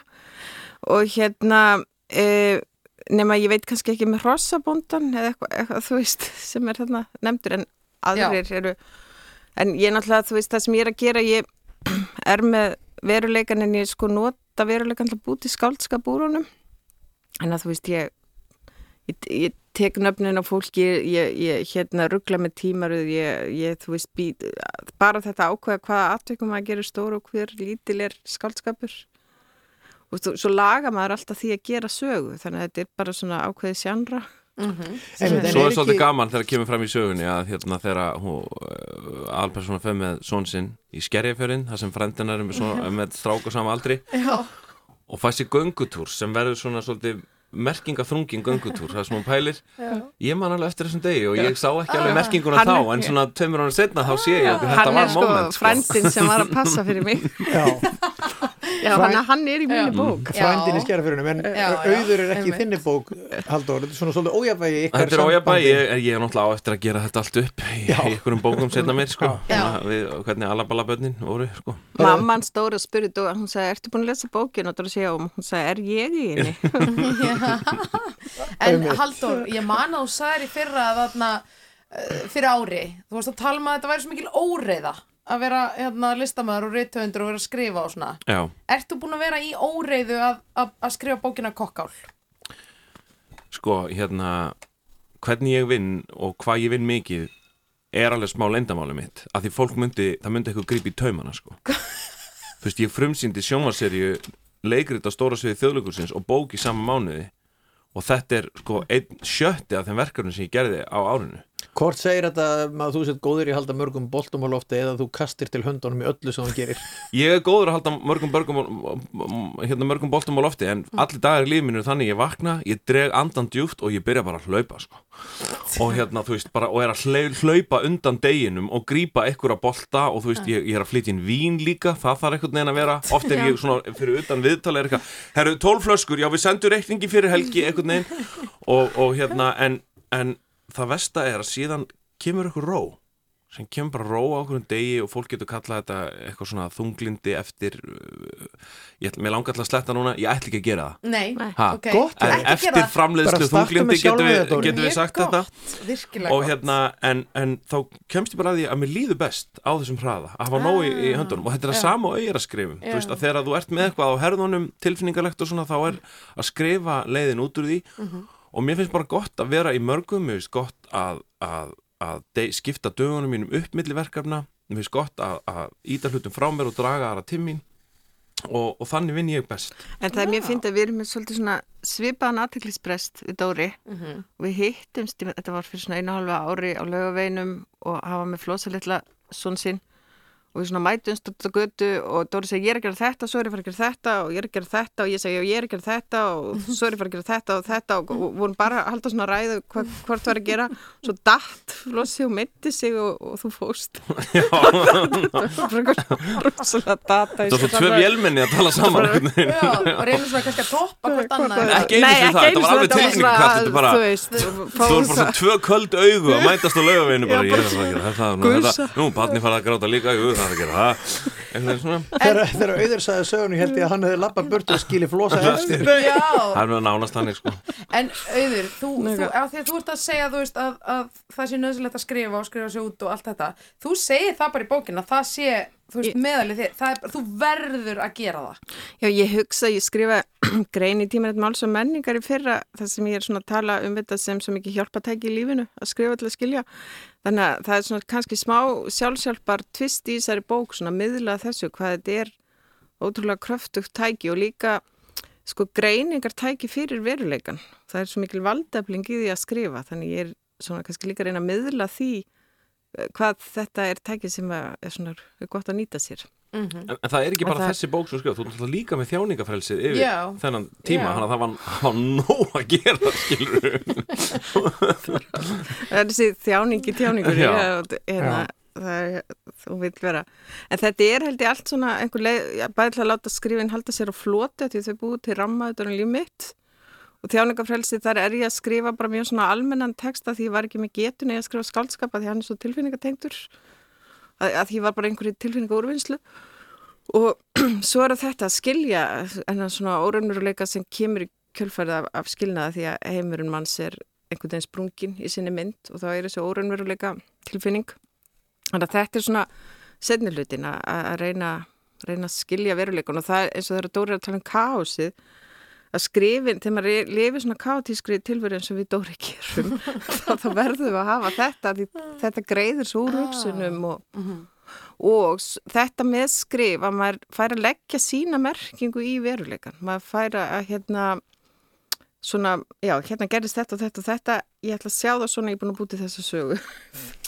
Ég, sko, ég veit ekki hvað það segir um svona kynja hlutverkin hérna í herberginu, í Mm. þessu hljóðveri Mm. að sem sagt Björg er búin að lesa auði og ekki Dóra og ég er búin að lesa Dóra Já. en ekki auði Það, ég hef ekkert að móti þér sko Nei. Ég er mjög spennt að lesa kokkar. Nei, og Er ég, ég, segi, ég segi það sama um auði Já. og ég er endar, þetta er, þetta er víðar sko því að Já. fullt af konum í kringum mig eru búnar að lesa auði og eru allar alveg heldteknar af Já. bókinni Ég er búin að lesa hana, hún er frábær Hún er nefnilega frábær en, en þín bók er líka frábæri sko, Já, ég, ég er eiginlega kom að því Nei, ég er búin að vera, er að vera svolítið duglegur að lesa. Já. Ég held að það sé að fæðast. Nei, sko, það var að því þú varst að segjast vera víninflytjandi Já. Þú ert aðeins að tengja við svona, það. Nei, svona vínsmökkun er svo mikið kjaftaði oft, sko. Já. og það er í alveg eitt besti vínsmakkar í heiminum. Hann er bara með það sem heitir á ennsku binary, ég veit ekki hvert íslensk orðið er, sem er semst bara þar sem að hlutinir eru annarkort eða það er bara já eða nei, það er svart eða hvítt og binary er það í tölvum 1, Já, einn- 0, 0, 1, já, 1, já. 1, 0, 0 og hann segir bara, hans smökkun gengur út á þetta er frekar vond vín eða mm, já, þetta er gott. Ekkert kæftæði og svolítið ég er Já. aðeins að vinna með þetta í bókakakirininni Ó. er, er þessi bók góð eða er hún vond? Já. og mér finnst bókið þín góð, Dóri. Og á köplum það koma hann að kapla sem eru algjörlega stórkostlegir, Já. fyndnir og djúpir og klikkaðir Aha. Já, ég ætla ekki að fara neitt lengra Já, með það já. og hún kemur manna alltaf óvart uh, í, í lokin uh, það eru læti læti, auðvitað, það er náttúrulega líka sko, En ég það sem ég ætlaði að spyrja Já.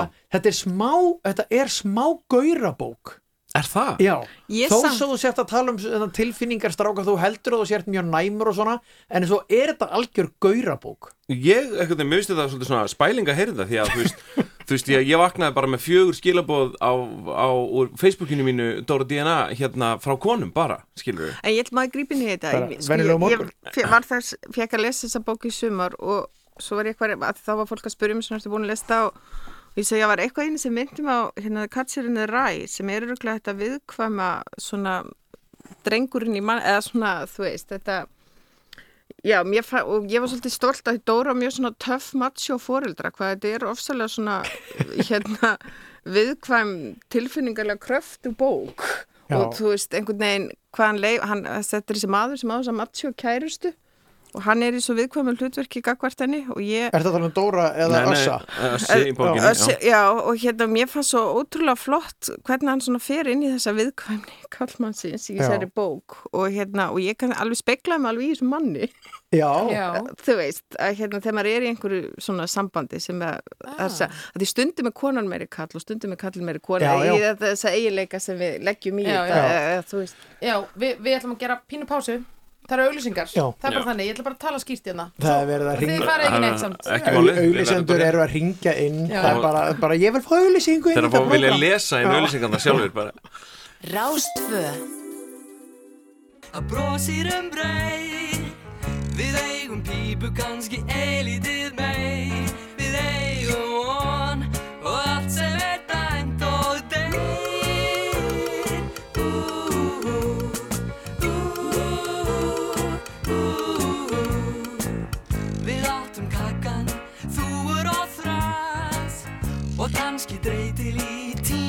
tímans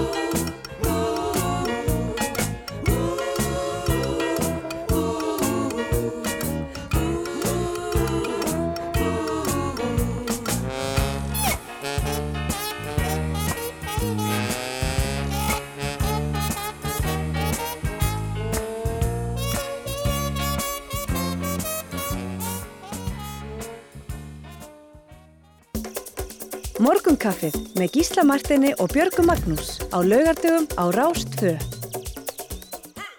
Rækta hass Já, hvað segirðu?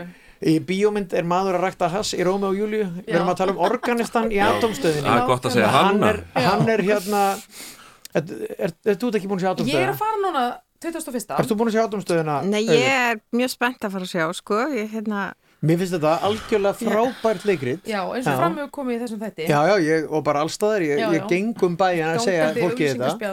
að þetta er, en ég sko, fólk, ég get ekki gefið fólki betri ráð heldur en að lesa bókina fyrst Einmitt. og fara svo á þessa leiksýningu. Að því að svo er hún algjörlega um það sem er að gerast á Íslandi bara í dag. Veist, hún er um hægri og vinstri að öskra hvert á annað og ekki að hlusta á rökin hjá hinnum Það var útgangspunkturinn okkar, bara Já. ekkert hefur breyst ekkert hefur breyst, výlinin hefur bara fæst á milli miðla, einhvern veginn, við erum komin á Facebook í staðinn. Uh, þjóðfélagið er ennþá tvístrað, við erum ennþá ósamála ykkur átt, en svona hugmyndin okkar var það svona, var það þarna sem við tvístruðumst En þetta minnir mér svolítið að árnesrepp þar er út af þess að mikil átök núna og reppurinn klófin út af virkjunafrænkvændum en þetta er við sömu fylkingar sko svona fjölskyldulesis og börðust um, um einhverja kirkjur. Já, sko fyrir mörgum ætla já. þetta verða einhvern veginn já, svona sömu línur. Það Þetta svo- er bara eilíf endutekning Já. Já. En hérna, eh, akkurju er, fyrir getur kannski of, of nördaleg spurning en bara fyrir þá að það er náttúrulega einhver, einhver nokkur hundru mann sem nú þegar búin að sjá átomstöðuna og einhver þúsundu eftir að sjá hana, skulum við segja. Eh, hérna, og margir enn fleiri hafa það er náttúrulega... nú örgulega svona 2500 búin að sjá núna Já, akkurat. Enn fleiri hafa náttúrulega lesið bókina. Ég sá alltaf hús búa Árlands einhvers þar í Garðastrætinu og þar. En þú ert með það upp í Þingholtum. Já. Akkurju?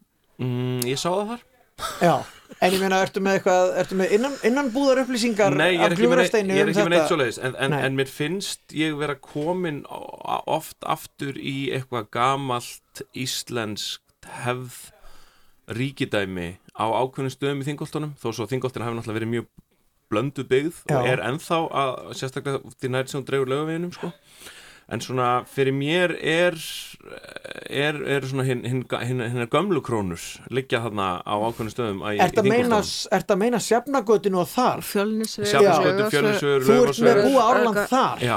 Já, ekki í Várjótshúsi Nei, nei, nei, nei, Nei, akkurat, ég, með skildi steyptu- þetta ekki alveg já. steyptu dæmi, sko. Ég var með þetta hann í Garðastrætinu að því að það er unuhúsi rétt hjá Já, hérna ég er svona veistu það, ég, það skrýta eftir að svara þessar spurningu því ég spurði mig aldrei hann sjálfur. Mér fannst þetta bara alveg borlíkjandi þetta væri þarna þetta hús sko, hann að vera að Það verja er það svo einhvern veginn. fyndið, maður sér oft fyrir sig bara, maður er bara búin að ákveða að fólk búi þarna. Já, Það er ótrúlega oft svona æskuðumili ömmu og afa sem ég er bara búin að ákveða ógæslega margar skáldsagnapersonu búi í. Það er ógæslega fyndið, þetta gerist í hausnum. og maður Já, líka oft bíómyndir upp úr skáldsögum sem maður hefur lesið og maður er alveg, nei, þetta var ekki Já, svo þess vegna er myndin alltaf verri, af því að þú veist, þá er einhver annar að túlka. Þín eigin túlkun sem þú er búin að leggst þér í hausnum Já, og manni finnst bara hún rétt. Þetta er svona skemmtileg pæling þetta með svona eins og bara hérna svona, ég skinni alltaf svona borgarlegt auðmæk núna þegar ég kem í Vesturbæin þar sem kaffi Hund- vest 107. og já, já, Já. þar er svona ákveðin góðborgarastemning Já. hérna, já. Já einmitt, Steinur Sigurdóttir var að segja það einmitt bara í viðtali hérna Já. að hún er ólst upp í vogakverfi sem að þá var svona breiðholt þess tíma Já. eins og breiðholti var setna og kannski grafavorin var enn setna nýju hverfin eru aðeins Já. þannig allt fullt af krökkum og hún sagði að þegar hún byrjaði í MR og fór að hitta krakka sem voru svona frá borgarlegum heimilum Já. að hún hefði bara verið mjög feimin Já, það skil ég vel Mhm. það, hann- ma var það sjálfur bara komað út úr Móslisbæi, byrja í MH með litlu sætu nælutna sínir á töskunni veginn og svo hittir maður krakka sem bara hugsaði allt öðruvísi skilur. En svo er þetta svo líka mengi að það þegar við gerum hérna bíómyndin treyð upp úr treyðapanti og þá svona vildi leiksturinn taka hana í Vesturbænum því að hann er svo einsleitur. Það Mhm. verður svo afgerandi að hafa innflytjenda konur þar Já.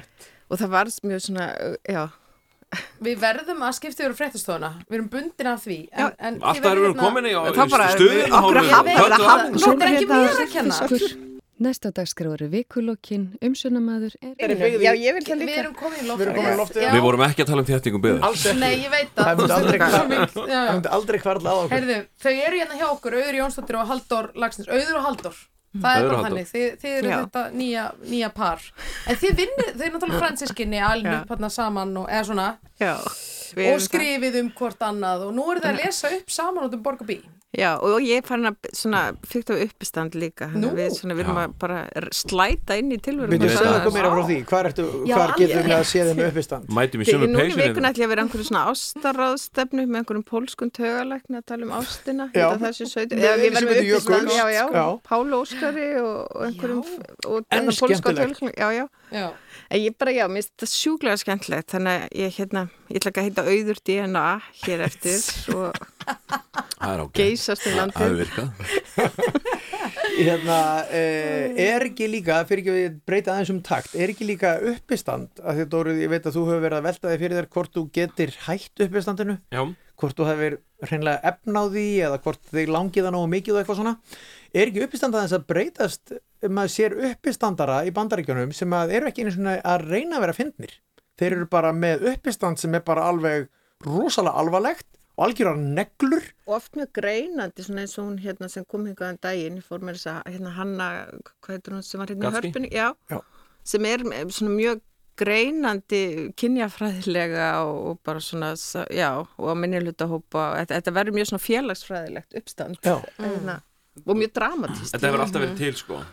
Veist, hérna, það er mjög frægur uppistandari sem hefur skemmt hérna á Íslandi og veist, og svona og þá vissi ég ekki að uppistand var til sem heitir Doug Stanhope, hann er mikill vinnu Jóns Gnar þar ertu bara að tappa inn í veist, mjög kvassa gaggrinandi umræðu um hitt og þetta í bandaríkjunum sko, og hérna og, og alltaf þannig að þú getur brosað en sjaldnast hann er svona gargir úr hlátri eitthvað Já. neginn sko og, og hann skemmti hann á litlarunni með hans En það er líka með uppis ég hitt einu svona bandarist leikskárt það var verið að setja verk eftir hana hérna og hún hafði fengið svona Pulitzer Prize velunin og eitthvað og, og leikrið hennar aukutíma byrjaði alveg bara svona hryllilega að fyndi bara hlóa allir rosalega. Svo bara eftir hlýja bara kom dramað beint í æð og hún sagðist bara nota þessa aðferð opna fólk með hlátri þá er það svo perskjald að Ah. verður svo opið og þá kýlur inn alvarleikan og þetta er svona struktúrin Úff, í, eins og er hérna uppistandin í hánu hönnu hérna Gatsby, að- já svona þessi en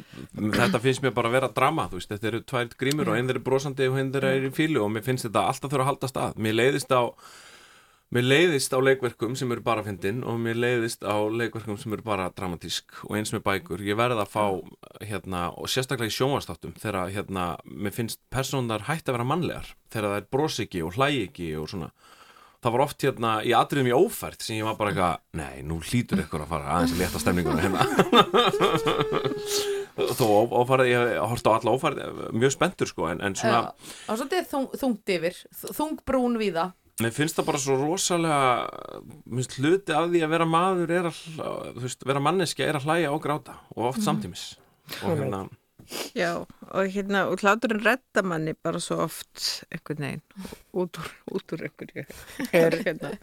Ló- eh, Hérna hlóstu Björg þegar þú varst að lesa bókinunar auðar Sko- er, Eru grát brosleg hún er mjög grát broslega mjög, svo- hún, það er svolítið erfitt að lesa hana sko. En mjög svo, þú veist, þú hleypir manni rosalega nærri að því ég, ég bara reikna með og ég veit alveg margt um þitt líf og alþjóð og svona. Þannig að maður, svona, maður fær svo svakalega mikið aðgangaðir og það er alveg pínu það, það er rosalega dýrmætt en það er líka alveg pínu erfitt þú veist og maður, maður, maður finnur rosalega til með þér í þessu. En það er eins og heimur bara svona hrinni það hrinni bara svona allt á sama tíma. Þú veist, þú skilur, þú þarfst að flytja með til landa uh, það er þessi málaferli yfirvóðandi, það er bara svona svo allt sé bara bom í einu já, já. en stundum hvernig, er líka hvernig, hvernig hefur það auður? Ég hef það nefnilega rosalega fínt og ég þakka það skrifunum, ég bara einhvern veginn sk skrifa, eða þú veist ég, Skrifaði þið frá þessu? Skrifa mér gegnum þetta og einhvern Já. veginn frá þessu og hérna svo líka finnst ég hef aldrei þórað að skrifa þetta nema því ég sé svo mikið af vinnum mínum í, í einhverju svipu messi. Þannig að þetta er bara svolítið mannlega ástandið að á mörgum ertu að horfa á sko. Björgu eða? það er allt í góð ég held að, Eitthvað svona. já, já. En það er eins og margir svona mínum aldrei sé svona fara í einhver umbreytingaferðli og svona þetta fara eitthvað í los og en þetta er svo skringilegu tími og þú hérna, sumir þetta vel upp þegar þú ert að tala um að þú fáið bara svona aftur úlingin og úlingaveikina, maður fær að gera bara óslega skrýtna hluti. Já, og það er svona speklaði í, í svona reynsla margra að maður fyrir þess að stopnun hjónaband og Mm. svona lagar sig og sjálfið að því. En í rauninni þegar maður kemur út úr því þá er maður þessi unglingur sem að maður í rauninni var áður en maður fór inn í það. Mhm. og það kemur mann á óvart því maður heldur kannski að maður, sé mun hilst eftir í manneskja. En hérna á sama tíma er unglingurinn frábær því unglingurinn er allt þetta sanna í manni. Það er þráin og ráðvillan og kvötun og þetta að reyna að staðsetja sig og, og hérna upplaustnin og þannig að það er rosa kærkomi líka að hitta unglingin sko Ég á tvo Mhm. unglinga, ég veit ekki alveg, ég tek, ég tek ekki undir þetta kannski heilsugar, en ég kannski sé þetta svona eftir nokkur ár. Já, Mér, það er samt margt mjög fyndið í bókinni og, og, og, og svona held ég sömu hlutir sem um, eru leiðað í þýðingunni en, en nýstaðina hjarta hérna Aha. eins og þegar þú segir frá því ég var búin að nefnda við þig að þú ert að flytja frá Berlín þar sem fólk safnar hugmyndum Já. og skoðunum og ræðir um það hvort annað í matabóðum rífst um heiminn og flyttir til Íslands þar sem allir safna ítala á norrænum tekkúsköpnum Nákvæmlega, þetta er svo sorglegt en satt sko. Þú veist, það er bara Og, þannig. og taka ekki límið hana að vittala Nei, nei, nei, glösunum, nei. aldrei, menn þurfa að sjá hvað en þetta er. Já. En hérna, Dóri, var, ég ég hugsaði stundu þegar ég var að lesa þína bók, hún er, hún er sko, þú veist, það er ekki endilega þannig að maður uh, skelli upp úr, þó svo að sé svona kraumandi húmor í henni. Ég, ég aðeins veltið fyrir mig hvort þú hefði stundum að því að mjög margir þekkja þig, þó svo þú kannski sjáur það ekki þannig, það voru mjög margir sem þekkja þig fyrst og fremst sem uppistandara. Uh, og þú veist, hérna, og grínista Já, og, og ég pældi aðeins í því hvort þú væri stundum að reyna að tóna það niður Nei, Nei. Ég, þetta er rosa mikið ég sko, sko, hérna þetta er svolítið erfitt að segja frá því en stundum er það sannleikurinn sem er sárastur að hérna ljóðskáld bandarist heitir Ann Carson veist hver hún er? Já, ég Já. já. hún er, og, og hún er opasla fræg og flott og hún er í miklu samskiptum við hérna Ragnar Kjartansson og Ragnar Kjartansson tekur ljóð eftir mig og fyrstu bókinni og þýðir það og sendir á hana og hún sendir tilbaka er þetta stórkostlegt, hver skrifar þetta og hann svarar því og áfram sendir postin á mig og það stendur í postinum þetta er hann Dóri vinnu minn. Hann var ömulugur rappari sæmilegur uppistandari en er frábært skáld og hérna hann er, að, hann er að ég er aldrei að reyna neitt bara það sem ég akkurat vil gera þegar ég skrifa og, og, og, og þess vegna kannski finn ég mér svona vel í því að því að þú veist, ég er meira að feika sem uppistandari að reyna að vera alltaf hlæjandi sko að því að ég hugsa bara um hræðilega hluti sko og, og vanlíðan. Sko, ég hef ekki nefnilega upplifað þetta í samskiptum við þig. En- Jú, maður sér þetta samt alveg pínu sko. Já, þetta er mjög sterkt í öllu sem þú skrifar. Já, já, er þarna liggur mitt áhuga svið er, er bara eh, hinn mannlega ángist sko. Er þetta eitthvað í ættinni? Af Því að við hérna viljum trúa því að sko Nobelskáldið hafi verið einhvern veginn bara Hann ældi af vanlið, hann alltaf hann í dagar hjá múk. Já, Hvað eitt í dagbókafæsla? Ældi af vanlið, hann í dagar. En ég held að þarna sko, að, sko þessi, ég held að vegurinn milli vanlíðunar og gleði Mm. sé vegur skáldskapar sko. Mm. veist, að þar ertu, þar ertu í hérna stuði og þar getur þú tekt þig upp á hillu vanlíðunar og í dreigið fram skúfu gleðinar og þar verða töfraðan til sko. Jú vil held ég sé Ó, erfitt vá. að vera giftur inn í þess ætt. Nei, það er fínt maður. En Það er mjög náðugt Freyja, ein, hlutskipti. ein spurning. Verður maður, hérna Hvað gerist þegar maður skilur? Verður maður svona meira Þú veist, verður maður, hættir maður að trúa á ákveðan hluti? Verður maður svona meira cynical Fyrirgefið slettuna Hvað er gott íslenskt? Bara svona, uh, svona Það, það er ekki allir þessi sko, viðmið sem að maður er búin að gefa sér. Og maður er kannski miklu meiri einstaklingur en maður svona þú veist, var búin að átt sig á og, og mér finnst svolítið við þetta tvö ár frá skilnaði bara alls konar element einhvern veginn hafi opnast og líka bara bara lífið er einhvern veginn svo stórt ef maður einhvern veginn opnar þetta. En það er líka ráðvillan er líka þar eða þú veist, allir hérna einhvern veginn þetta og að staðsetja sig og já, ég veit Já. ekki. En fyrir svona hættir maður að trúa á Þú veist, verður maður svona harðgerðari Já, veginn? ég held það. Já, svona, einhvern veginn Kemur meira svona hreistur á og, húðina og líka bara þetta, þú þarft svo mikið bara að trúa sjálfa þig, það er engin aðna, þú, þú þarft að púla þetta allt sjálfur og þú þarft einhvern veginn og bara allt þetta flókna nútíma líf og, og, og bara hvert þú ætla með líf þetta, allt í nördu bara ein með allar þessar ákvarðanir og, og ábyrð og það herðir held ég fólki á. En það, já, svona eða þú veist aðþýrlega á kannski bara góðan hátt að maður svona maður er algjörlega með þetta allt á eigin forsendum og það, það er skemmtilegt en það, það tekur líka alveg á sko. Það er hérna í staðan fyrir að vera alltaf í samtalinu og þú ert inn í hjónabandi heldur svo utanum þig. Já, þú ert alltaf með einhvern til að tala við að finna út úr öllu eða það eru trygging. ákvarðan já, það er einhvern veginn þannig að maður verður berskjaldaður. Og mér fannst það líka með engalíf mitt til dæmis. Mér fannst ég bara vera svona svið og allir væri að horfa á mig þess að þurfti ég kannski bara að skrifa. Að því þú veist, það er rosa mikið slúðrað í Reykjavík til dæmis. Þannig að, og það er bara skemmtilegt og maður er ofti að taka þátt í einhverju slúður í sjálfur en, þú það? en þegar maður er svona hérna einhleipur þá allt í hennu verður maður já, berskjaldaður. Við köllum þetta fréttur úr bæilífinu, ekki slúður Já, þetta er lífað bæjarlífsins. Þannig að hérna, það var líka bara koma frá Berlín þar sem er alltaf í bara í svona hjúp og engin veit og maður er svo mikill einstaklingur og, og hérna og þú veist, maður bara er í sín og engin að pæla í manni, maður getur gert jók út á götu og það er ekki eins og lítið á þig. Og svo kemur hingað og maður heyri bara, já, ert þú byrjuð með þessum eða ert þarna, eða þú veist, það bara þú gerir eitthvað og það komið um allan bæ Já, sko, ég, ég vissi bara, við, við erum ekki einu sinni eitthvað nánir vinnir auður yeah. við þó sem við eigum svona eitthvað samægilega vinni Já. sko, ég vissi bara daginn eftir að þú fóst í sleik við einhvern náunga. Já, já, það var alveg- Svo bara búið að segja mér að það sé í bókinni. Já, og ég frétti hjá Dóra að þú væri búin að frétta það. Þetta er, þú veist, þetta er Við rosalega slúðum lítill líka við fransískinni sko. Mjög er en það er eitt samt sko sem hérna, mér finnst svo gaman að tala um núna sem ég ætla bara ég ætla að taka beigju út frá hennu persónlega og mér er svo skrítið að tala um ég var svo vandræðilegur að tala um verkin okkar eitthvað neginn og er leikur því því. Ég er svo, já bara að tala um hvað er ég var það samt- er fyrirbærið sem jólabókaflóðið er. Já. í, þú veist, ég hef gefið út ljóðabók og hana, þú veist það vill enginn kaupa ljóðabækur, þú veist það áður nú gefur hann þetta, fólk, fólki heldur með þú að gera þetta, en ennir enginn að lesa þetta eða, og þú ert alltaf einhvern veginn að grátbeða fólk um að kaupa einn það er líka, mér fyndi það að ljóða þetta bara ég er á metsölulista það eru fimm intök og bak. Heyra á í ykkur gera grín. Nei, ég hef gefið út tvær ljóðabækur. Ég, og ég ætla að gefa út aðra alveg pottið. Þetta er bara brekka. En svo kemur við með skáldsög þú ert í ykkur jól, sem heitir jólabókaflóðið og hérna og þú ferð inn í þennan heim rithönd á Íslandi hjá henni skrif, bókelsku þjóð og skrifelsku þjóð. Og þetta er svo stórt, það eru 150 skáldsögur að koma til þessi jólin.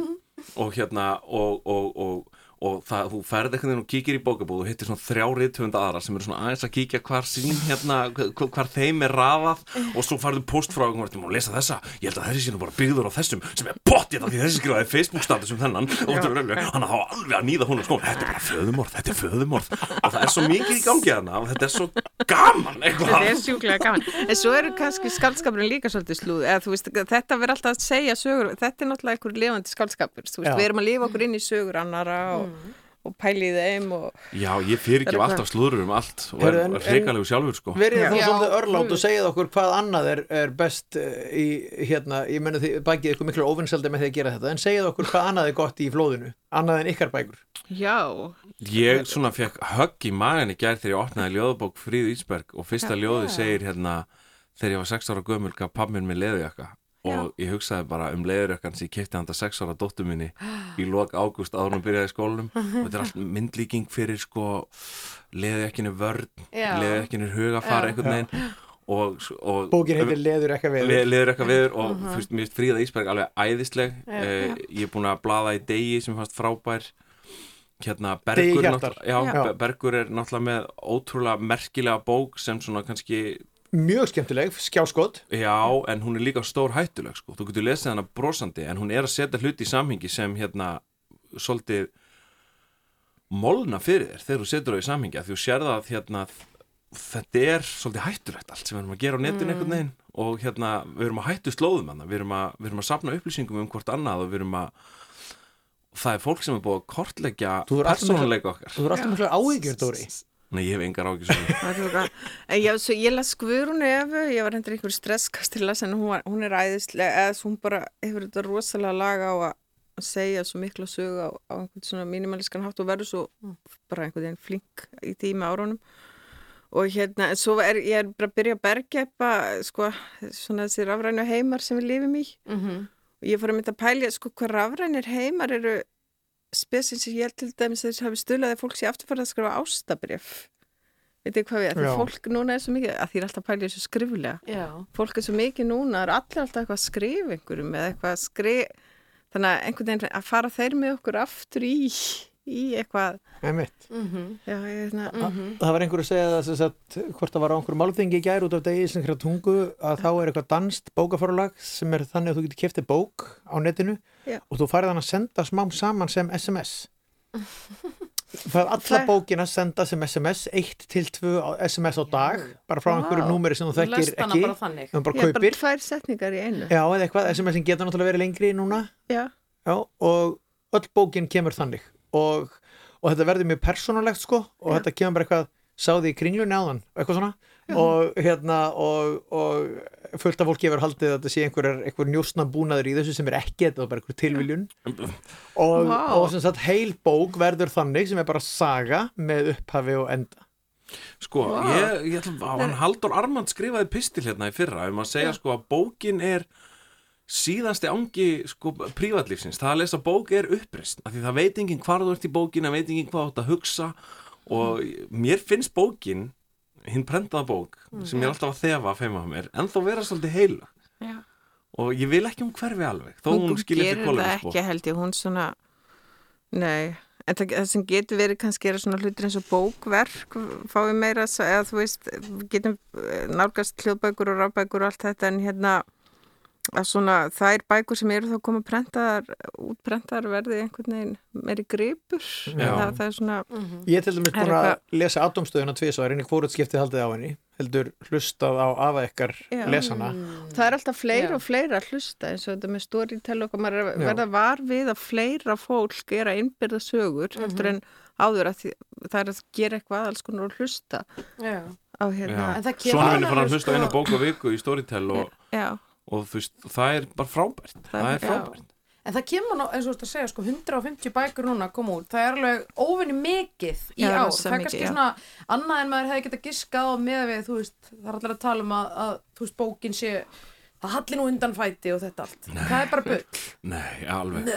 og, og þú veist, og haf, verandi komandi úr kreðsu sem er, þú veist, bara- svona svo sjónvarp og kvikmyndir og svona Já. sem maður heldur að sé ykkur opáslegi bransar þetta á ekki breyk í þennan bókabransar sem er einhvern veginn alveg samofin íslenskri menningu Já. og svo gaman þessir forleggjarar allir sem einhvern veginn kunna til verka og hafa verið þarna lengi og, og gaman að hlusta á þetta fólk og Og svo, er svo, marg, og svo margir sem að skrifa og það er svo frábært bara sem gefur bók, það eru svo rosalega margir íslendingar sem hafa og gefið bók. eru þið núna bara þið hafa verið að lesa upp saman og einmitt með Bergi sem þið hafi nefnt hérna. Uh, ég er hérna besti ykkar. Hann er með frábæra bók. Nei hérna, þetta er er hérna. dreykur. En maður er líka fyrstur að lesa vini sína, það er svona sem að vertu. En, en þetta eru næstu vikur hjá ykkur þið verður bara að þeysast hér um landið og lesa og selja og... Já, fara á jólahlaðborð og, Mhm. og hérna, og svona, já, alls konar hvenna kvöld, kvöld og uppákomur. Þetta er fólk að fá okkur til að lesa á jólunarborðum? Já, já, Það hefur, það hefur alltaf verið lengi.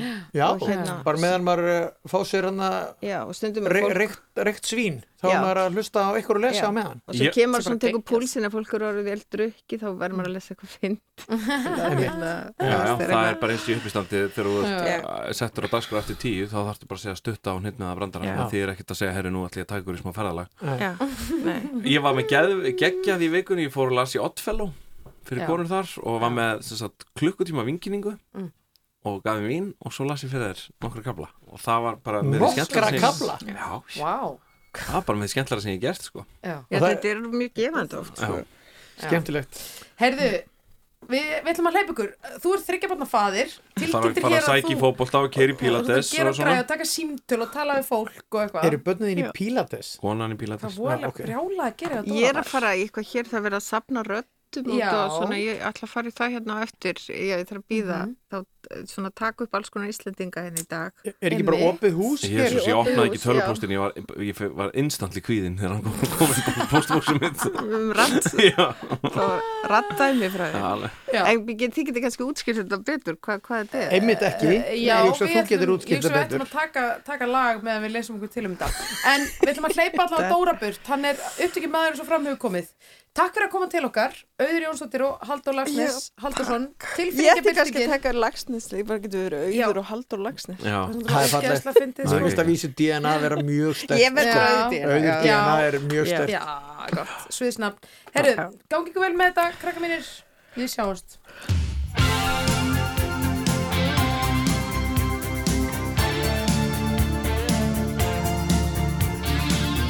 Speilmyndir á votum albyggi Öskur drúsins í nóttinni Grátur eldsins inn í sólinni Vegurðin kemur frá sálinni. Sólin svíður svarta moldina Lífi sprettur af svitanum. Títavismi knýttum bakum Eitt lítið, eitt lítið Segnast blóm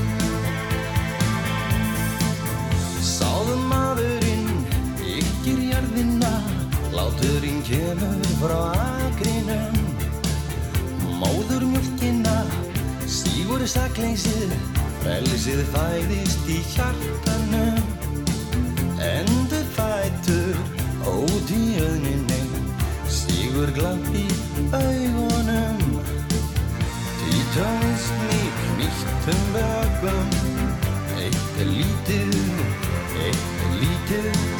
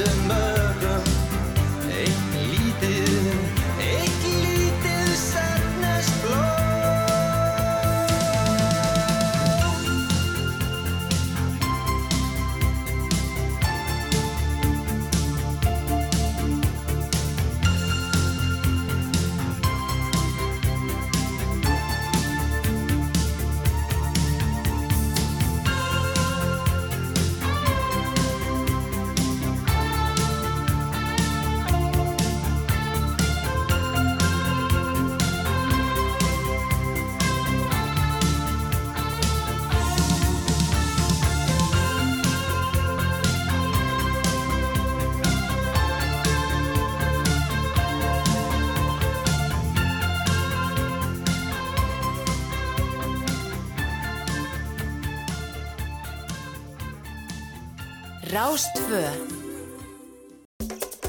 Morgunkaffið með Gísla Martini og Björgu Magnús á laugardögum á Rástfö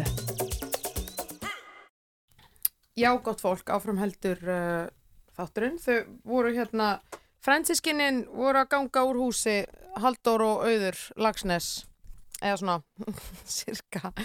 Það er kokkáll og tilfinningabildingin, Mhm. skapandi fólk, Mhm. og þetta segja það. Við erum bæði að, bæði að vinna með stórar tilfinningar í þessu.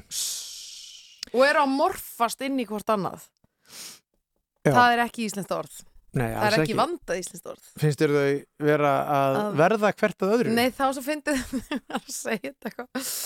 Þau eru farin að skrifa um hvort annað og, og þau eiga margt sameilegt. Eru að renna, renna saman í eitt? Það væri, það væri íslenska þýðingin á því að morfast, held ég. Já, þeir eru er ekki að vera að halda því fram hér samt. Heyrðu, það var, það var erfið sögðutað um síðustu helgi og þar var mikið fjör Já. og eitt, eitt band sem að kom í viðtal til okkar hvar við vorum stödd á slipphotellinu eða slipbarnum eða hvað Já, e, vestur í bæ Það var hljómsdinn Sigur Mhm. Agnes og Halldór Já. úr Sigri komið til okkar hillu okkur upp úr skónum. Skemmtilegt og gott fólk. En það er þetta frábær blata, ég er búin að vera að hlusta á hana. Já, hún og hún heitir Já takk. Því svona jákvæða nafni. Já. og Vel peppað. Já, mjög skemmtilegt. Og þau eru Mhm. bara þau eru bara klár og skemmtileg og, og þessi plata er góð bæði lög og textar. Aha.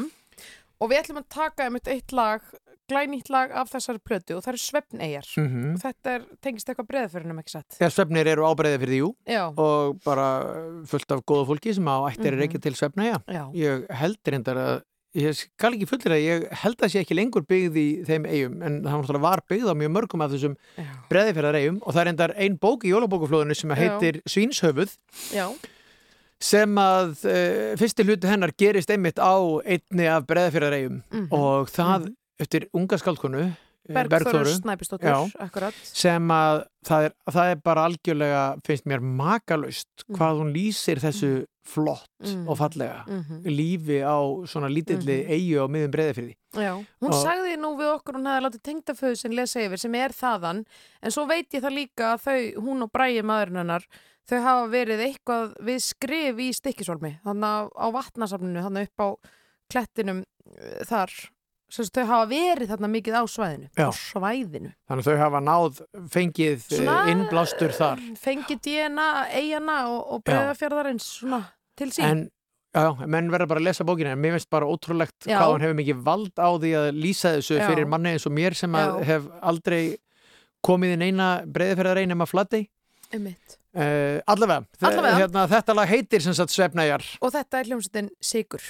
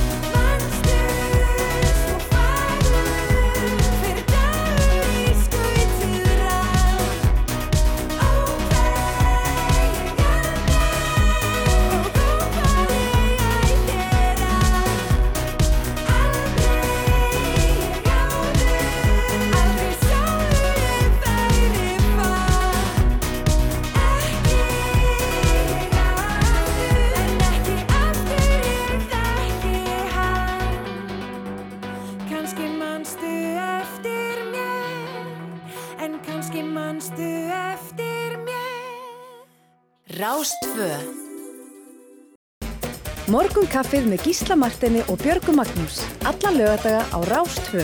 Fyrst og fremst um helgar.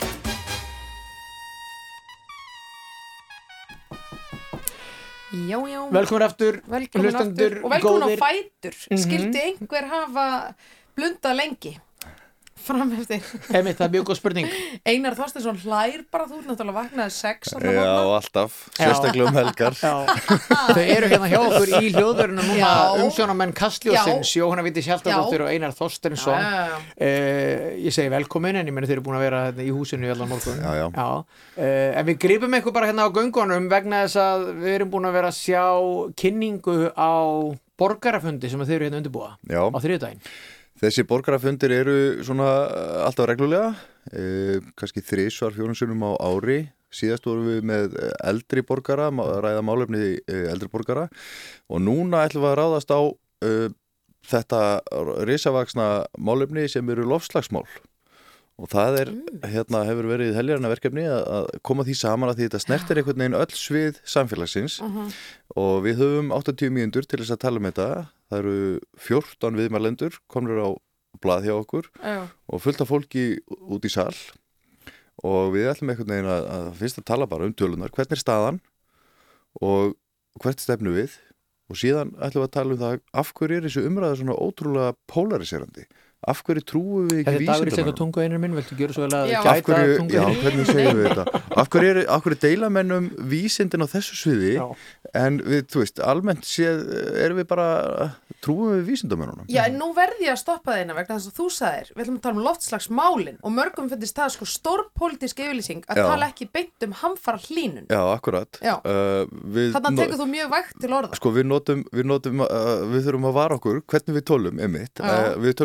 tölum einmitt, Já. uh, vá Ok, uh, hamfarahlínun er orð sem að sumir vilja nota en það er líka politist að vilja nota það orð Mhm. uh, Rúf Nú, Jóhann er alveg að brjálast hann langur svo að komast að en við erum orðin svo æst að, að, að því að við erum búin að vera að sökka okkur onni í þetta en hamfarahlínun er, er, er orð eh, sem við fyrir aldrei varlega með að nota vegna þess að hamfarir er ástand sem er á uh, orðið og þegar rúf er að fjalla um hamfarir þá, að því að við höfum svona uh, tengingu við almanna varnir og, og, og miðla upplýsingum með örgum hætti í hættu ástandi hamfarir eru kannski daldi, já, það er daldi stort orð sko. Já. þannig að við Við tölum við auðvitað lofta að vera svá mjög varkár. Já. Við erum á ríkisútarspinnu og alveg eins og ungmennum allan heim sem eru nú að íta við heimsbyggðinni í orðsins fylstu merkingu og föstu dagar til framtíðar sem að ungmennum allan heim fylla götur og torg og fara að forda með Gretu Thunberg sem byrjaði sína baráttu bara fyrir rétt rúmu ári. Þetta er ekki lengra tímabil. Ótrúlegt sko. Já.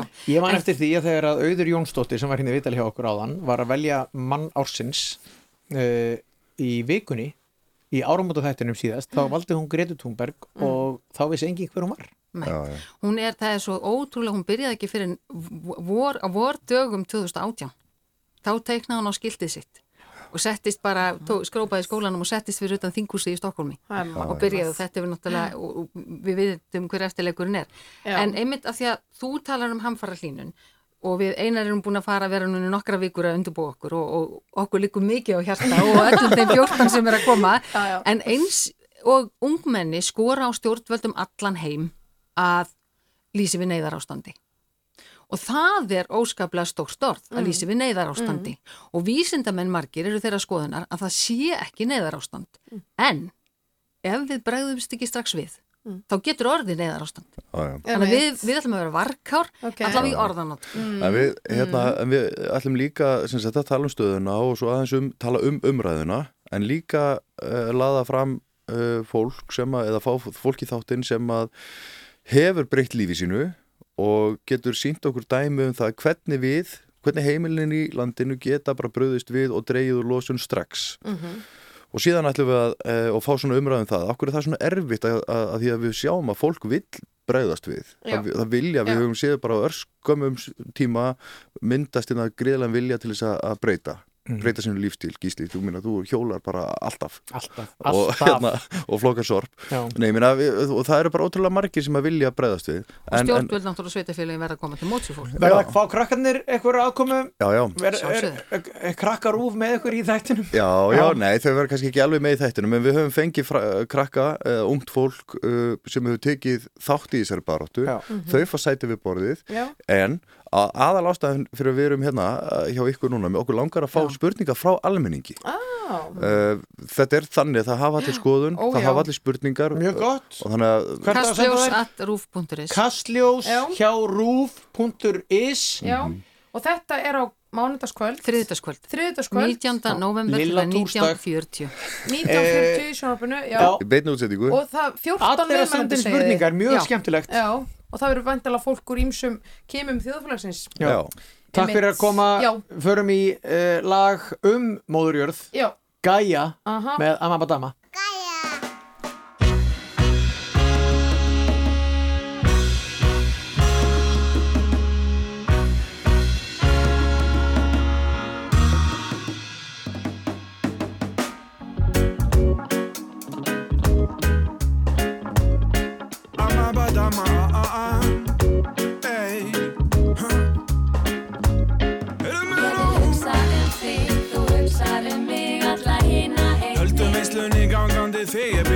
hugsa um mig Ég vil hugsa um þig,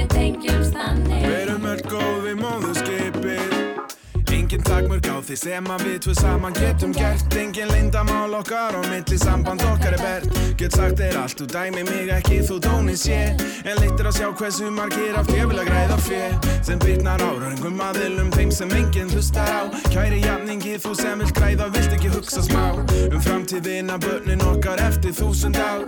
Já sjáðu, við erum í geim, heimurinn stór og þú er smár Og þó að þú sér klár, erum við bara börn hér. Þú og ég og líka öll, þessi peninga upp hér. Bara rétt byrjuð að skrýða Svo lifum vel og lengi á meðan það er sól og blíða. Þú hugsar um mig, alla hina einnig Höldum veislunni gangandi þig er við að hugsa um mig Því ég vil hugsa um þig, við tengjumst þannig. Verum öll góð við móðurskipið því. Ef við trúrum þessu hvert förum við þá Getur þú sagt mér það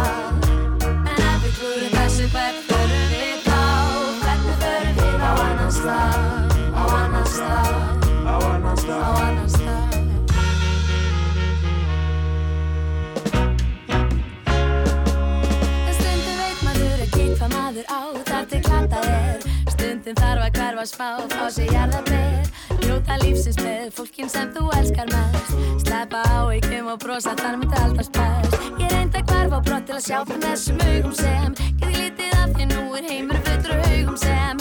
Vilja eðileggja þig til að sjá bróða En við getum ekki bóðið því fleiri sóða Því þú er paradís sem hefur þurft að þóla margt. Þeir gestir þínir allum ekki eðalega meira á hann á allt. Þetta er ástæðlega til þín, já þeir minn kvíða Þið vel og lengi á meðan það er sól og blíða Þú hugsar um mig, alla hina einnig Höldum veislunni gangandi þig er við að hugsa um mig. Því ég vil hugsa um þig, við tengjumst þannig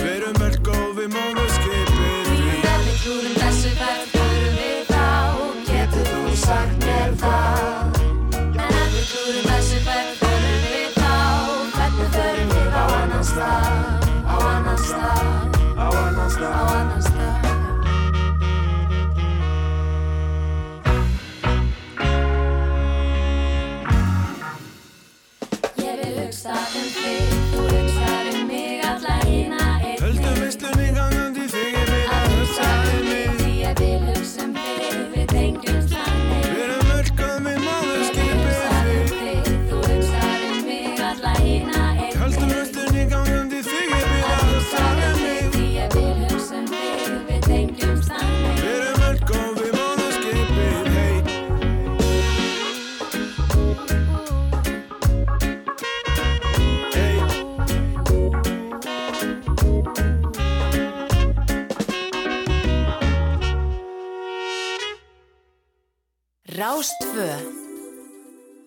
Morgun kaffið með Gísla Martini og Björgu Magnús. Alla lögadaga á Rástfö.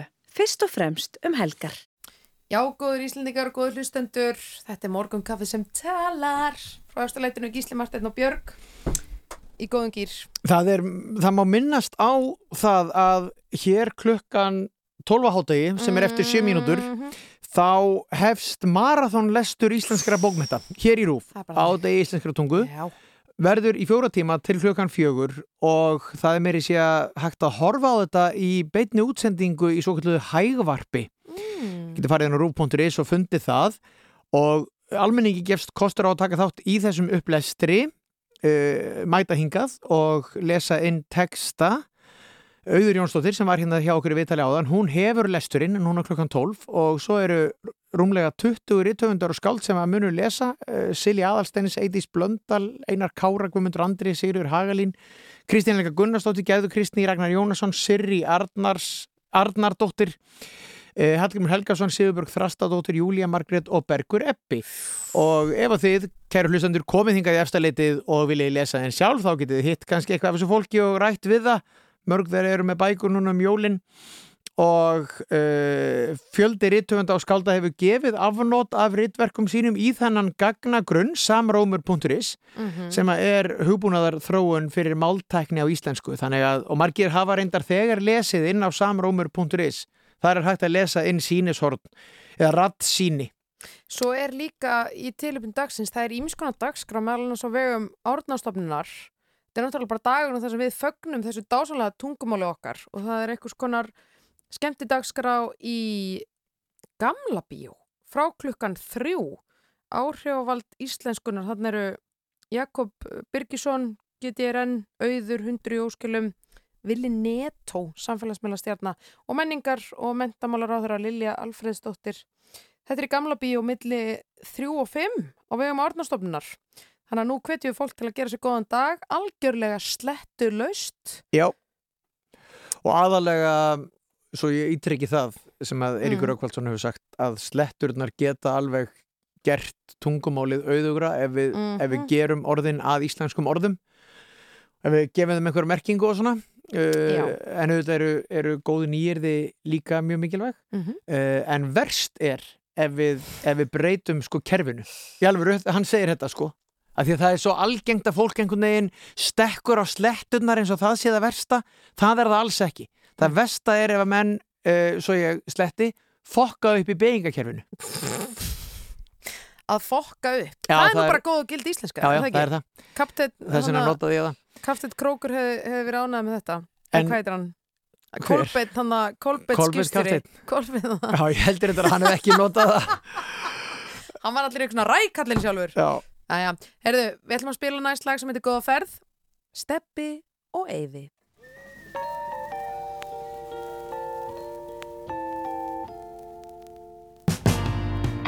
Þér leiðist hér, ég veit það kæra vina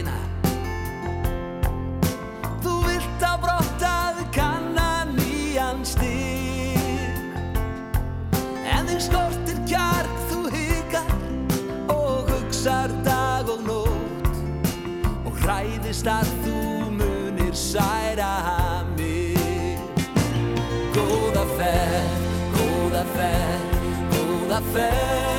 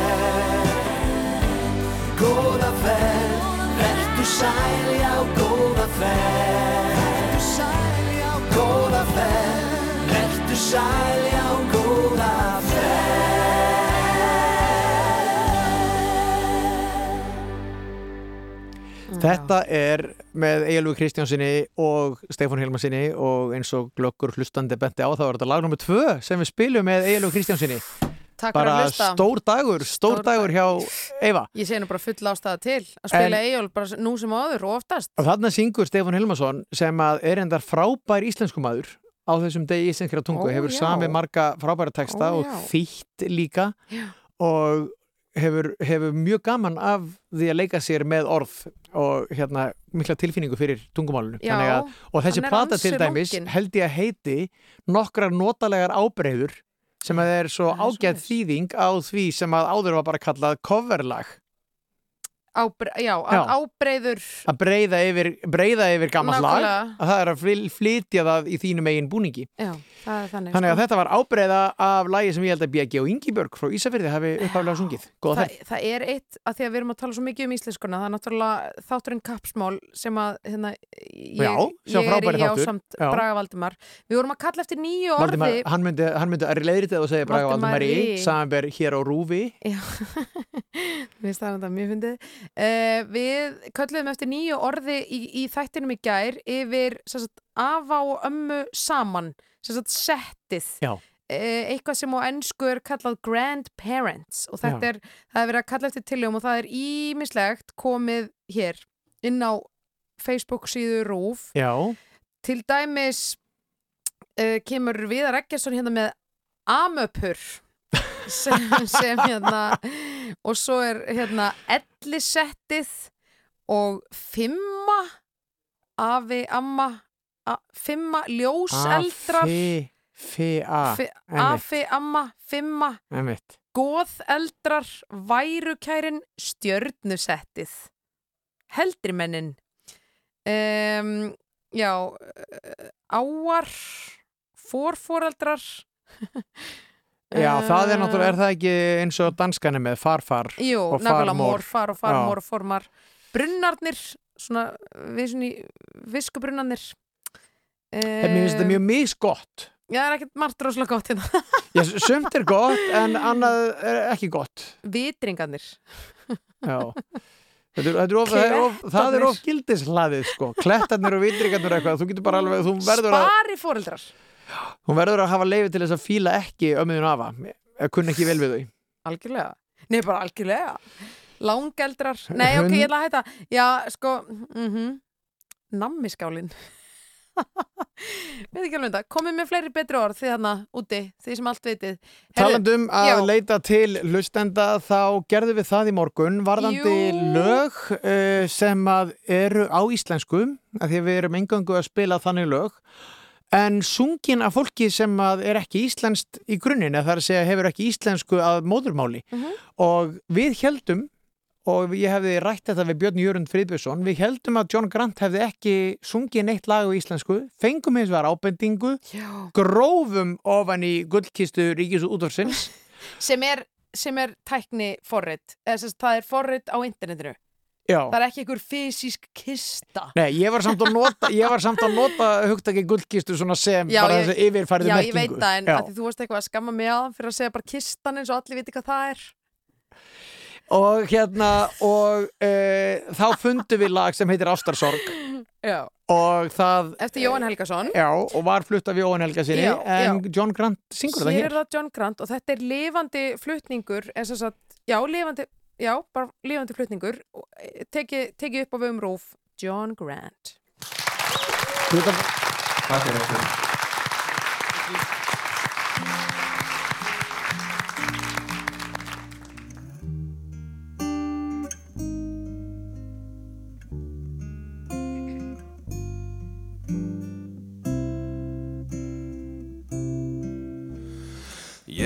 Mun aldrei elska neitt nema þig, einan þig. Hlustaðu á orð mín nú, þú mátt ekki neita mér Því líf mitt gæti leið við, þú skilur, þólir enga bíð Ljá þú mér eira nú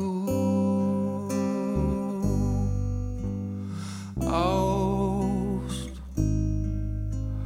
Alla mína daga Víst er það lífsins saga.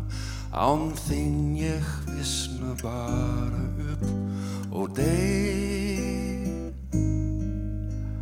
Alla mína daga Þessi er mín saga Ég byrð þig um að trú og treysta mér. Ú, sé sann, þú elskir annan mér. Ég beig mig og segi þér að finnan í mér eitthvað er.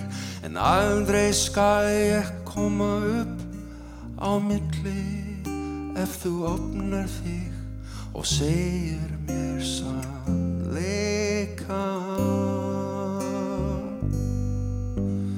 Hún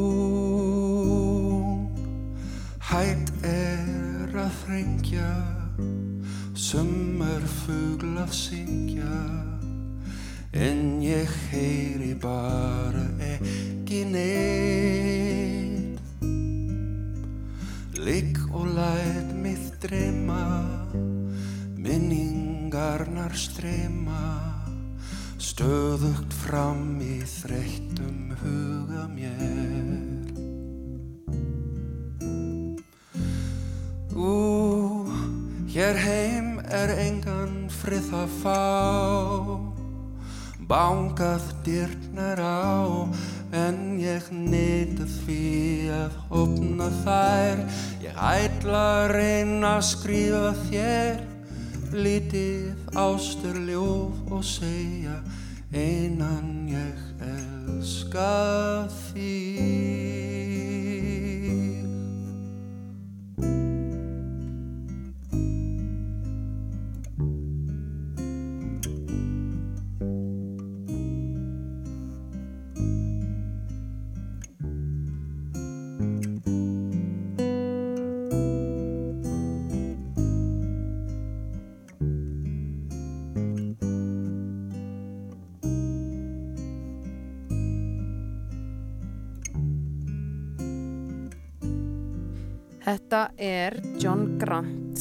og við segjum með sína út, útgáfa á læginu Ástarsorg eftir Jóhann Helgason. Og þetta er lifandi flutningur eins og heyrist hér, eru, hér er lófatak Hann er hérna hann talar Já, sko hann hann talar hérna íslenskuna svolítið svona Uh, hann talar hann málfræðilega rosalega rétt að hann er greinilega með alveg rosalega öflugan heila Já. eða þessar málstöðvar eru svona öflugar hjá af því að hann talar held ég líka eitthvað í rústnesku og einhverjum öðru tungumálum Já. en hann bara eins og hann segir sjálfur hann æfis ekki nóg mikið að tala Mm. þannig að hann er hittið John Grant, ekki láta hann komast upp með að Einmitt. tala ennsku við ykkur. einmitt og, og hann sko, hann er að ræða við mann um persónufornöfn og eitthvað svona því að hann er, já en Heyrðu, þetta var frábært En, já, þetta var frábært en við ætlum að það er eitt eh, stort og mikið afmælisbart sem vofir yfir á þessum degi. Maðurinn sem að fann upp orðið eða smíðaði eh, nýyrðið á þeim tíma sálarástand, sporbaugur. sólmiðja, vinahópur, bæn, Mhm. og rafmagn sem hann kallaði við sér rafurmagn Já, eins og það var kallað framan og af tímamælir, þú veist, þetta er endalaust, uppleitt stjarfur, ég hveti ykkur til að googla nýjirðasmíð Jónasar Hallgrímssonar, hann fættist á þessum degi, við vitum hins vegar ekki hvar beinin hans eru, í Danmörku eða á Íslandi. Þeirri spurningu verður ekki svarað í dag. Nei, en um, við erum mjög sem að enda þennan þátt á, Aha.